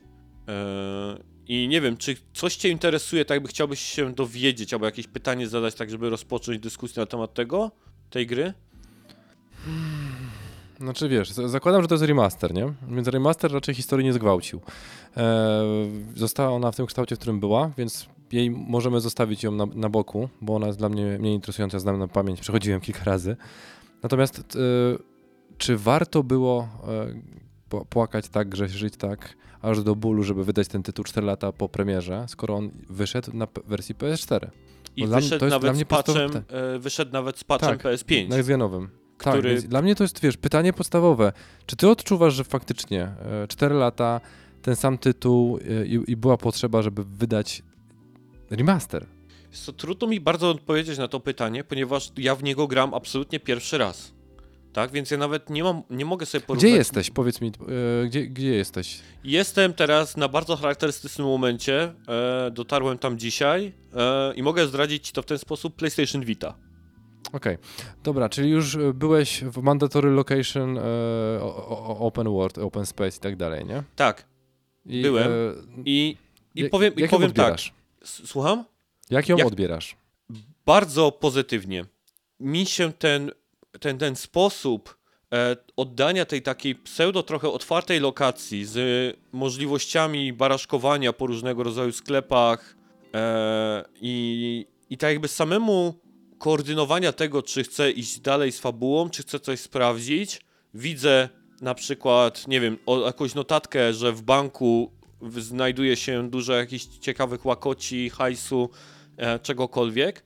I zawsze mam z tyłu głowy, za każdym razem, że każde drzwi sklepu, które otwieram, każdy kanał, do jakiego, jakiego wskakuję, każdą lokację, którą decyduję się, że chciałbym sprawdzić, co tam jest, to jest ryzyko, tak? Bo mogę trafić na jakieś skupisko e, klikerów czy czegokolwiek, e, więc jest taka dosyć spora niepewność, a czasem po prostu jest tylko i wyłącznie cała lokacja zbudowana na environment storytellingu, e, Mhm. e, gdzie No bo to tylko i masz wyłącznie ewidentnie przykład, wiesz, to masz przykład, czegoś. o tym mówiliśmy w, poprzednim punkcie, w, przy poprzedniej grze, nie? Że e, tak jakby Naughty Dog sobie pozwoliło na to, jak od czwórki e, zaczynając, żeby był jeden level, w którym mało mówią, są bardzo e, e, implicit w tym momencie, czyli Mhm. że musimy domniemać pewnych rzeczy, nie są one podane wprost i nami nie sterują, nie? Że to my jesteśmy elementami, e, osobami decydującymi, a pozostała część gry jednak i ma wa wabik liniowości, nie? I ograniczeń i nawet e, ten ty on, bo mówiłeś, że jesteś ciekawy kolejnego tytułu. Ja po tym fragmencie z czwórki i po tym fragmencie z tego wiem, że jeżeli by poszli w taki styl narracji gry i tak dalej, oni są w stanie zrobić więcej. Kosztem czasu, żeby nie było, nie? A pozostała część gry faktycznie gameplayem trąci myszką. Tak, właśnie. I e, nie wiem, czy ty czytałeś, bo jakiś czas temu pojawił się artykuł, e, że tak jakby, że Seattle było wzorowane, albo Naughty Dog starało się wzorować na Dark Soulsach. E, I ja to powiem ci szczerze, że o ile wydawało mi się to, na, zanim zagrałem dziwne... Na Bloodborne. A czy na Bladbornie? No, wiadomo o co chodzi, tak? Pseudo otwarta lokacja z połączonymi elementami, tak? Otwierasz skróty, wracasz w pewne, w te pewne miejsca. I zanim zagrałem w The Last of Us Part 2, to szczerze mówiąc nie wyobrażałem sobie tego, ale kiedy trafiłem do Seattle, ja mówię, stary, ja to kupuję. Ja czy wyobrażam sobie, że oni może nawet gdzieś na początku chcieli stworzyć to jako taki ogromny, otwarty hub, te wszystkie ulice z sobą połączyć e, i oddać graczom po prostu do dowolnej eksploracji. Tylko potem właśnie sobie myślę z drugą, w drugą stronę i dlaczego ja jestem wciąż ciekawy, jak będzie wyglądała następna gra, bo ja nie wyobrażam sobie, Bartek, w jaki sposób ta ich perfekcyjnie skrojona narracja filmowa e, i historia prowadzona miałaby funkcjonować przy oddawaniu aż tak dużej swobody graczom, nie? Nie, nie, nie, wybór. W sensie, to, to, zadajesz teraz pytanie, e, chcesz mieć ciastko, czy zjeść ciastko? Tak, właśnie, nie? Bo- znaczy twoje zdanie na ten temat, że musieliby z tego zrezygnować, tak? Po prostu. tak, ja, Wiesz, to musiałbyś przestać być Naughty Dog, nie? Mhm. Bo popatrz, e, wszystkie z tych studiów, które mamy, które, które widziałeś, najlepszym chyba przykładem jest ostatnio Forbidden, Forbidden West, który ma największe open world z tych wszystkich dostępnych. God of War'a nie nazwijmy open worldem pełnym, ale też daje pewne możliwości ruszania się pomiędzy lokacjami i tak dalej. I widać po prostu, co tracisz, a co zyskujesz w każdym z tych tytułów, nie? Mhm. Bo e, Naughty Dog dałoby radę, tylko to jest mniej więcej tak, jak wiesz, jakby... W, no zakochałeś się w swojej żonie, ale ją non-stop zmieniasz, bo chcesz, żeby była inną osobą, nie? I to ja mam dokładnie to samo uczucie, że pokochaliśmy gry Naughty Dog przez pewien styl, pewne ułomności i Mhm. pewne ograniczenia. Więc jeżeli chcemy od nich, żeby mieli nowoczesny gameplay, spoko. Tylko miejmy z tyłu głowy to, że to może przestać być ten Naughty Dog, którego kochaliśmy i będzie inny Naughty Dog. Może Tak. lepszy, może gorszy, może będzie wam się mniej podobał, może będzie wam się bardziej podobał. To już nie jest mm, decyzja moja, tylko decyzja każdego gracza z osobna, prawda? Mhm. I więc e, czy oni dadzą radę? Dadzą radę. Ile to zajmie czasu? Nie wiem, bo e, widać po prostu, że sam open world w tej czwórce, to jest czwór, czwarty level, o ile się nie mylę, w Last of Us 2 i ósmy level w przypadku Uncharted 4, które są takie charakterystyczne, Mhm. które są Mhm. fenomenalnym eksperymentem, ale które powodują u mnie spoko, ale jednak chciałbym, żebyście mnie dalej prowadzili za rękę bardziej, bo w tym momencie czuję się bardziej jak w świecie Naughty Dog. Trochę tak, tak to, e, przynajmniej ja tak to odbieram, bo wybierając ich tytuły, to ja mam pewne oczekiwania. Dla mnie tym takim oczekiwaniem Mhm. jest to, że ja lubię mieć tytuły, gry, które są bardziej filmowe, bo mam taką potrzebę, mam taką ochotę. Jak chcę sobie sięgnąć po świat, który mi nic nie tłumaczy, który mam je w dupie i jeszcze chce mnie zabić, no to Elden Ring Vita, nie? W sensie tam są wszystkie te kryteria spełnione. Natomiast znowu to jest kwestia, w jaki sposób prowadzimy narrację i w jaki sposób prowadzimy gracza przez narrację i przez świat, nie? Mhm. I to, to wiesz, to jest jakby na, na inny podcast pewnie niż dzisiaj dywagacja, szczególnie, że dobijamy już pewnie do dwóch godzin, nie? Tak, tak, no. z tymi wszystkimi rzeczami, więc ja bym bardziej się skupił w kontekście, jeżeli moje zdanie jest tutaj interesujące, e, czy warto to kupić? W sensie, ty nie masz porównania, więc nie, nie odpowiedzi na to Tak. pytanie już teraz wiem, nie? Co dla ciebie jest, e, pamiętając, może pamiętasz z tyłu głowy, czy może przesłuchałeś podcast, jak 3 lata Mhm. temu, 4 lata temu, za niedługo będzie, gadałem o tym z pełnią pasji, e, jak do tego, jak, jak ty podchodzisz kupując te historie, bez spoilerów, mając e, Mhm. to wszystko, jak to ci się wpisuje właśnie w gameplay, czy jest coś, co ci faktycznie przeszkadza, czy to, co mówiłeś wcześniej, że ktoś wybija się z jednego miejsca i ląduje w innym miejscu, jest faktycznie takim przeszkadzającym rzeczem, że mówimy o jakimś antagonizmie e, prastarej rzeczy, która cię wybija, czy to jest po prostu ktoś to powiedział, ale ja to mam w dupie, bo mi tutaj wszystko pasuje. Właśnie bardziej w tą drugą stronę, bo na takiej zasadzie, że kiedy ja się do tego przyzwyczaiłem, to tak jakby doceniam, jak bardzo perfekcyjnie to jest skrojone. Nie? I tak jakby. I przestaję tego zaczynać oczekiwać. Nie? Tak jakby przestaję oczekiwać parkouru na miarę Assassin's Creed'a tutaj, tak? Przy każdej ściance tak dalej. I zaczynam bardziej chłonąć całą otoczkę i całą, i całą budowę e, tej gry. Bo nie wchodząc w walory estetyczne, o których za chwilkę powiem, to bardzo mi się podoba, w jaki sposób budowane jest tempo tutaj gry. E, Gdzie mam te takie segmenty nachodzące na siebie, gdzie mam bardzo intensywne i mega stresogenne elementy, sekwencje skradające się. Ja naprawdę, ja rzadko kiedy po jakichś sekwencjach e, takich e, stealthowych e, czuję tak, że ręce mi się trzęsą. E, po prostu, bo są tak stres, stresogenne i one są właśnie naprzemiennie tak jakby jest, jest, jest, jest ta sekcja stealth, sekcja eksploracji i mm, mm, poznawania świata. Potem jest jakaś retrospekcja do czasów na przykład gdzieś tam dzieciństwa, czy młodości bardziej e, Eli. I znowu ładujemy się w jakiś tam element e, właśnie typowo skradający się o dużym napięciu. I to tempo i przemienianie się gry powoduje, że ja przez wiele godzin nie potrafię się tak naprawdę oderwać, e, grając o, od, te, od tego tytułu, więc to jest coś, co na pewno chciałem zaznaczyć, że bardzo mi się to tempo podoba. Fabularnie i historia. Ja się tego tytułu bałem, e, ponieważ trochę bałem się te, cał, wszystkiego, co było o nim mówione, że jest tak niezwykle depresyjny, że jest brutalny do szpiku kości, że e, osoby mówiły nawet opowiadając o tym tytule na zasadzie takiej, że no przecież nie każda gra musi wywołać w tobie dobre emocje, czasem po prostu niektóre gry chcą, żebyś czuł się źle. Ja się trochę bałem tego, ponieważ na przykład Papers, Please, które doceniam pod kątem designu i tego, co chciało sobą przekazać, to w summa summarum ja wyszłem z tej gry niezadowolony, tak jakby, że nie bawiłem się dobrze, tak jakby źle się czułem, tak jakby na zakończeniu Papers, Please, tak? Eee, to, to, to takie miałem poczucie. Muszę powiedzieć, że ta gra jest brutalna i ten świat jest brutalny, który jest tam ukazany, natomiast mam na razie 33%, jestem tak jakby na wejściu do szpitala, tak? To wiesz po tym, co powiedziałem. E, znacznie lepiej konsumuję, chciałem powiedzieć bawię, ale konsumuję historię tutaj niż robiłem to w części pierwszej. E, nie mam pojęcia dlaczego, czy jestem bardziej w stanie zrozumieć wątek główny, e, motywacje, które na razie otrzymuję, choć czuję, że Naughty Dog będzie starało się mi za chwilkę obrócić świat do góry nogami i pokazać coś innego. Ehm, jeszcze nie wiem na ten temat. Natomiast początek gry, nie mówiąc co tam się wydarzyło, e, wiem od osób niektórych, że wyłączyły grę po tym.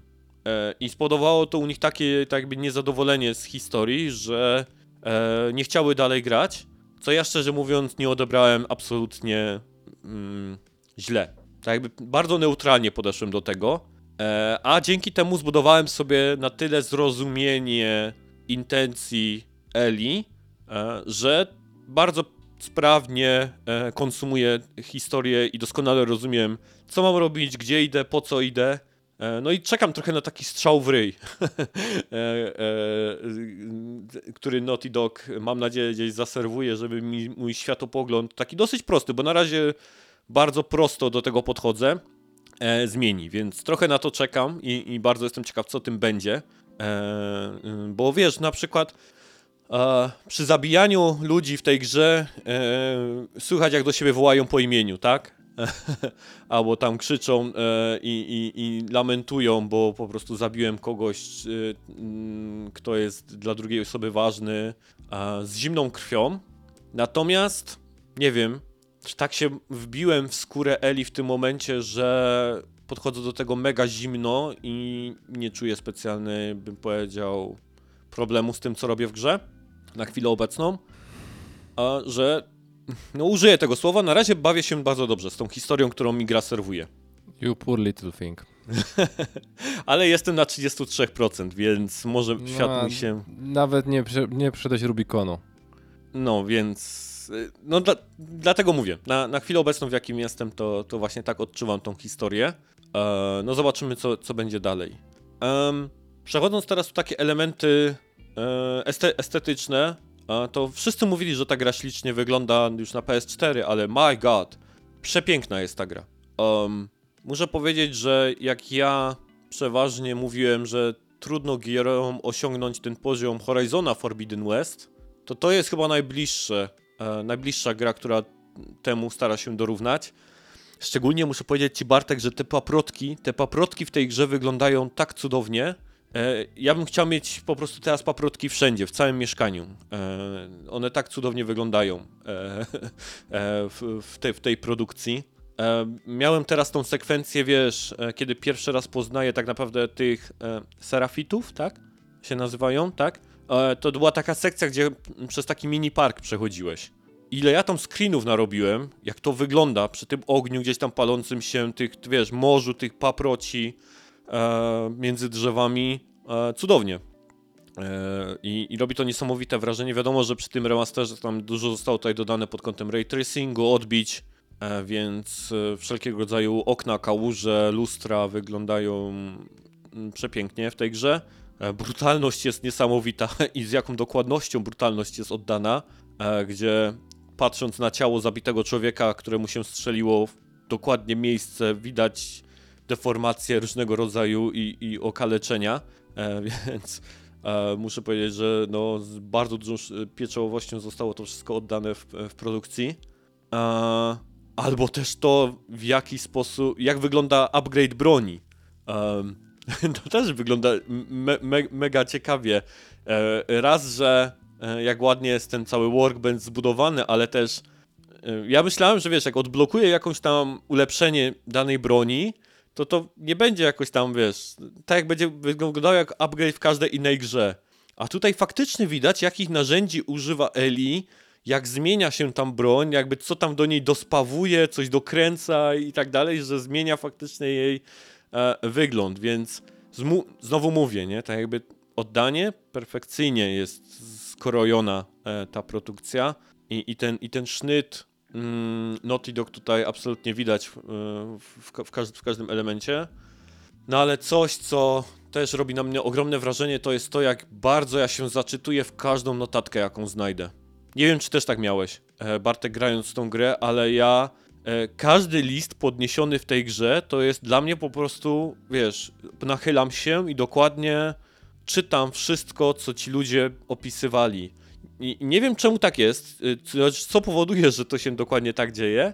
Czy to jest forma, w jakiej one są pisane, e, te, te listy, e, czy ich content, czy, czy może po prostu ten świat taki zrujnowany i, i, i u schyłku e, istnienia wydaje się tak bardzo ciekawy. Ale ja uwielbiam znajdywać kolejne jakieś listy, e, wy, wy, wytargane mm, strony z dzienników em, i, i zaczytywać się we wszystko, co znajduję. Więc e, environmental storytelling to pierwsza klasa, bym powiedział. To, to jest coś, co się już z pierwszej gry e, gdzieś zachowało i tutaj tak jakby wzniesione zostało jeszcze na, na wyższy poziom, mam wrażenie. No i ostatnią rzecz, którą chcę powiedzieć o tej grze, że nienawidzę psów. E, Psy mnie tak cholernie wkurzają w tej grze, że e, Jezu, nie potrafię. Jak widzę patrol z psem, to już dostaję po prostu skrętu kiszek. E, więc Mm, powiem ci, jak, do, jak dojdziesz do odpowiedniego momentu, to do mnie zadzwonisz sam. no więc no jestem ciekaw, co mnie jeszcze czeka w tej grze. E, natomiast Przygotuj sobie wiadro. Albo O, na łzy, okej. albo na żygi. Na jedno z dwóch rzeczy. Dobrze, twoja reakcja wizualna też na, na, na, na psy to też była e, ciekawa, więc no jestem bardzo ciekaw. Jestem bardzo ciekaw, czym ta gra mnie jeszcze zaskoczy. E, podoba mi się postać Jesse'ego, Diny. E, nie, pod wieloma względami, tak jak mówię, ja jestem na razie na bardzo mocny plus. Pojedynce, która mi się średnio podobała, to zawsze będę podkreślał, że to nie była gra, która zawojowała moim światem. Dwójka jak na razie znacznie lepiej jest przeze mnie odbierana i bardzo, bardzo, bardzo mocno chcę dalej z nią się zagrywać i te Helldivers mi przeszkadza po prostu. To go skasuj. E, jedna rzecz. Ogólnie rzecz biorąc, to jest moje prywatne zdanie. Natomiast to jest jeden z tych tytułów, które nie powinno się w ogóle nic mówić, dopóki nie przejdzie się całości. E, w kontekście podobania, niepodobania mechaniki spoko, natomiast plot e, i postacie dopiero wtedy, bo mówię, pełna historia dopiero może ci dać e, zupełnie inne Mhm. feelingi, jakie masz. Ale zapisuj sobie, w jaki sposób przechodziłeś przez te rzeczy, bo ja pamiętasz, jak napisałem kiedyś taki artykuł odnośnie tego, bo, e, bo dalej uważam, że jeden z większych skurwysyństw, jaki można zrobić, to mm, bohaterce, która użyczyła twarzy i głosu, e, robić piekło z życia. E, I to się dalej Mhm. dzieje, nie? Minęły 4 lata, oni dalej robią tej kobiecie Tak. piekło z życia. Więc jedyne, co mogę powiedzieć, żeby się pierdzielili, bo po prostu mnie wkurzają takim zachowaniem, bo psujecie po prostu rzeczywistość. Jak ktoś dobrze zagrał, czy źle Tak. zagrał, odczepcie się i tyle. Natomiast ta gra jest dla mnie silnie emocjonalna. Ja mam 4 lata po ukończeniu tej gry, ja dalej czuję emocje w odpowiednich momentach. Nie? Identyfikuję się z każdym z bohaterów i zwierząt też, żeby nie było, e, w zależności od, od tego, więc dlatego porozmawiamy, Tomku, jak przejdziesz całą grę, bo to wtedy może nawet się umówimy na spoilercast czy na cokolwiek innego, Mm? ale z miłą chęcią wtedy poznam twoją reakcję. No, I zadzwoń e, do mnie, jak będzie ten moment. No na pewno, na pewno będziemy w kontakcie, więc to, to tyle na razie, jeśli chodzi o e, The Last of Us. E, I teraz przeskakujemy bardzo szybko do naszego tematu, który mamy w wolnych wnioskach. Nie będzie to długie, Wolne wnioski. E, Plany zakupowe na pierwszą połowę 2024. Zresztą intro zakupowe na pierwszą mówiłem. połowę. Hmm, hmm, hmm. Znaczy ja mam zapisane na pierwszą połowę z tego względu, że nie potrafiłem znaleźć konkretnych dat na wszystko, co wychodzi później. E, I jakoś tak mam rozpisane do czerwca, co planuję kupić, co nie. Ale Bartek, chciałbyś zacząć ze swoją listą? Czy masz jakieś w ogóle Znaczy- tytuły, które masz na, na radarze? E, ja, ja w tym roku biednie. Mhm. Dosłownie. Nie, szczerze powiedziawszy, e, rzeczy, które mnie interesują, nie mają daty. E, I to od razu Mhm. ci powiem o co chodzi, bo ja zapisałem sobie na cały rok i to jest Hades, który mam nadzieję, że w tym roku wyjdzie, bo mówili, że koło lata, chociaż przestaję w to Tak. wierzyć. Dwójeczka. I Wolf Among Us też dwójeczka, po jedynce, która mi się strasznie podobała i po komiksie, który przeczytałem. Z miłą chęcią dalej się z tym zapoznam i to są te, które nie mają tytułu, więc nie wiem, czy w pierwszej połowie, czy w drugiej połowie, czy w ogóle. E, natomiast z rzeczy, które jeszcze mam na tej liście, to jest coś, co już było, czyli Like a Dragon Infinity Wealth, które. A, no. E, e, to, to ja lubię go. Ja lubię Podobno jest bohatera. cudowna. Podobno jest cudowna Znaczy, ta gra. Tylko, że wiesz, ja mam Baldur's Gate e, za pazuchą, która mówi mi z- z- Sieben, e, siebzig or e, Ale w 60, Baldur's Gate nie ma Ichibana, słuchaj. I To nie jest nieuniknione. Moja kubka wstydu nie istnieje, bo ja wszystkie gry ogrywam bardzo szybko lub rezygnuję Hołda z gańby, nigdy nie wracam. Nie, nie, nie, nie ma hołba, hołda gańby u mnie. E, posiadanie e, dzieci i bardziej relatywistyczne podejście do czasu powoduje, że nie mam z tym problemu, więc jest to i jest Ronin. E, bo mnie Rise of Ronin ciekawi, czy Mhm. to jest kierunek pójścia e, w brakujące ogniwo pod tytułem wszyscy chcieli mieć asasyna, więc ludzie od Niocha zrobili e, asasyna z demonami.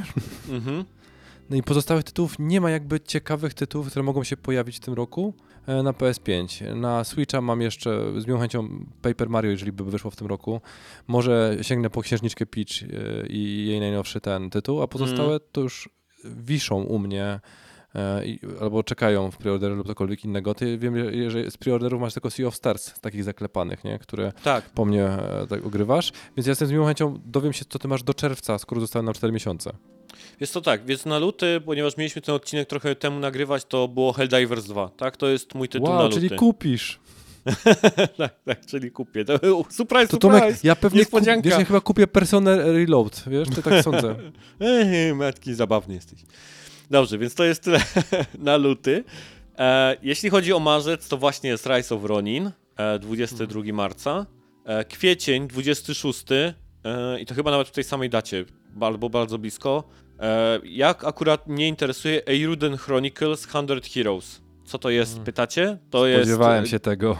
gra twórców e, Suikodena, więc Mhm. to jest coś, co mnie interesuje i mam nadzieję, że zostanie wydane o dacie. Ale też kwiecień, e, nie ukrywam, jeżeli będzie dobra sytuacja finansowa, to może jeszcze szarpnę się na Stellar Blade, e, ponieważ ten tytuł wygląda również pysznie, e, pod wieloma względami i walorami. Więc to tak, jeśli chodzi o kwiecień. Maj, Sea of Stars, już powiedziałeś, tak? Bo to pudełko wychodzi w maju, więc to jest Sea of Stars dla mnie. W czerwcu e, może nie gra, ale wychodzi DLC fabularne do Final 16, więc e, w czerwcu jest to. I jedynym tytułem takim bez daty na ten rok, który jeszcze mnie interesuje i może on ciebie też będzie Bartek interesował, to jest Metafor od e, Atlusa. Czyli to ich RPG, takie fantazy, o którym oni tam e, zwiastowali je między innymi na pokazach e, Xboxa, one było pokazywane. I on jest na razie zaplanowany na jesień 2024. Więc e, może zapomniałeś, ale tak myślę sobie, że to by był kolejny przy-. No, Myślałem, że to, że to idzie w przyszłym. Miałem to na liście, ale to jednak jest Fall 2024 na ich stronie. No. Czyli co, u ciebie też gdzieś to na radarze jest, jakby się miało pojawić w tym roku? Nie powiem, że nie, spokojnie. Wiesz co jest najgorsze, że kiedyś moja żona odkopie te wszystkie wersje, albo moje dzieci i zapytają się, tato, bo moja córka teraz w chwili obecnej ma fajną zabawę, się nazywa pudełka. I ona bierze pudełka e, z Nintendo Switcha, bo one nie mają kadridży Mhm. e, w środku, bo one są w pudełku, e, w którym przewożę. Osobnym, no no. Bierze, tak, bierze moje e, kolekcjonerki, w sensie steelbox i tak dalej, ona sobie układa je, otwiera, zamyka, otwiera, zamyka i tak dalej. Więc oni się dokopią w końcu do tych wszystkich person, które posiadam i zada, zada, zadadzą pytanie. Bo na szczęście e, moja żona wie, bo widzi, ej, ty grałeś to 3 lata temu, tam 4 lata temu, więc ona jej się, ona wie- więc... e, Ale nie, to masz, powiem, że tak. masz super ściemy, nie? Że, nie, nie, ja gram cały czas w to samo, kochana żono. Wcale nie kupiłem czwartej reedycji tej samej gry. Idealnie. Ej, wiesz jak śliczny jest steelbox do pi- piątki? E, no, to do Royala jest, bardzo ładny steelbook, no. Nie, no, do Steelbooka nie mam, do Royala mam zwykłą. E, A, no to tego już ci jeszcze brakuje. tak, nie, nie, w sensie raczej tak, raczej tak, bo no sorry, ale mam do nich słabość, do ich wytworów, nie? Nawet Katrinę ogrywałem, kurde, no przecież Muszę To jakiś- ograć Katrin. Nie grałem jeszcze. ona jest Nigdy. naprawdę, ta gra jest tak cudownie pojebana, że wystarczy zobaczyć, kto, kto to wytwa wytwarzał, żeby stwierdzić, no ja się dziwię, serio? No, Tylko, że wiesz, też- to tak patrzę na ten i e, co jest na liście? Jest na liście Xbox Series S i jest PS4 na tej metaforze, czyli ciągniemy znowu w dół, ludzie. Mhm. Let them die, let them die. Ajajajajajajaj. Nie, to jest... No to nawet pasuje e, Let It Go, nie? To tak, tak, by, tak, tak nawet pasuje, ten, ten, żeby w końcu to porzucili. No, powinni już, powinni. No. Dobrze, moi drodzy, e, nie będziemy już przedłużać. Bartek już ledwo żywy jest tutaj przed kamerą. Nagrywamy już przez 2 godziny 15 minut. E, dużo tych pytań zadawałem w trakcie odcinka, ciekawości, które chcielibyśmy się od Was dowiedzieć. O plany zakupowe też na pewno zapytam na Spotify, ale zachęcamy Tomek, do Tomek, Tomek, komentarzy. Tomek, zapomniałeś powiedzieć o jednej rzeczy, No szybko. że jeszcze chcesz kupić dodatek do Destiny 2. Kurczę, a może? Skoro rozpocząłem z Destiny 2, skoro Destiny, Destiny e, na moim profilu PSN ostatnio jak sprawdzałem, to to jest 1670 godzin wbite. E, może warto ten ostatni dodatek sprawdzić? Bartek, może ty też byś sprawdził? Cezar, Czacza, Tomek, Bartek. Dobrze, sprawdzimy to. Obieca, obiecujemy. Przyrzekamy. Tomek obiecał, ja nie, ja miałem tutaj pod stołem. A nie, on ma paluszki za... O nie, ale mnie zrobiłeś, a. Dobra, słuchaj, kończmy już e, ten fa tą falę żenady. Więc dziękujemy wam bardzo za słuchanie nas w kolejnym odcinku 85. raczej konsolowo Gamecastu. E, podziękuję oczywiście towarzyszącemu mi, Bartkowi, przez 2 godziny 15 minut. Dziękuję ci bardzo, Bartku. A ja podziękuję towarzyszącemu mi w tej nocy snu, bo zostało mi 5 godzin 30 minut e, do, do pobudki e, i w sumie tobie też by wypadało podziękować, bo dzisiaj byłeś niezwykle uroczy i miły. Ty też. A nie, a nie, czekaj, to ja. A, I znowu mnie zrobiłeś. Ha, ha, ha, ha. Dobrze, kończymy. Dziękuję bardzo. Trzymajcie się do następnego. Pa, pa. Ma- Machamy jak w familiadzie. Pa, pa, pa, tara, ta, ta, ta, ta, ta.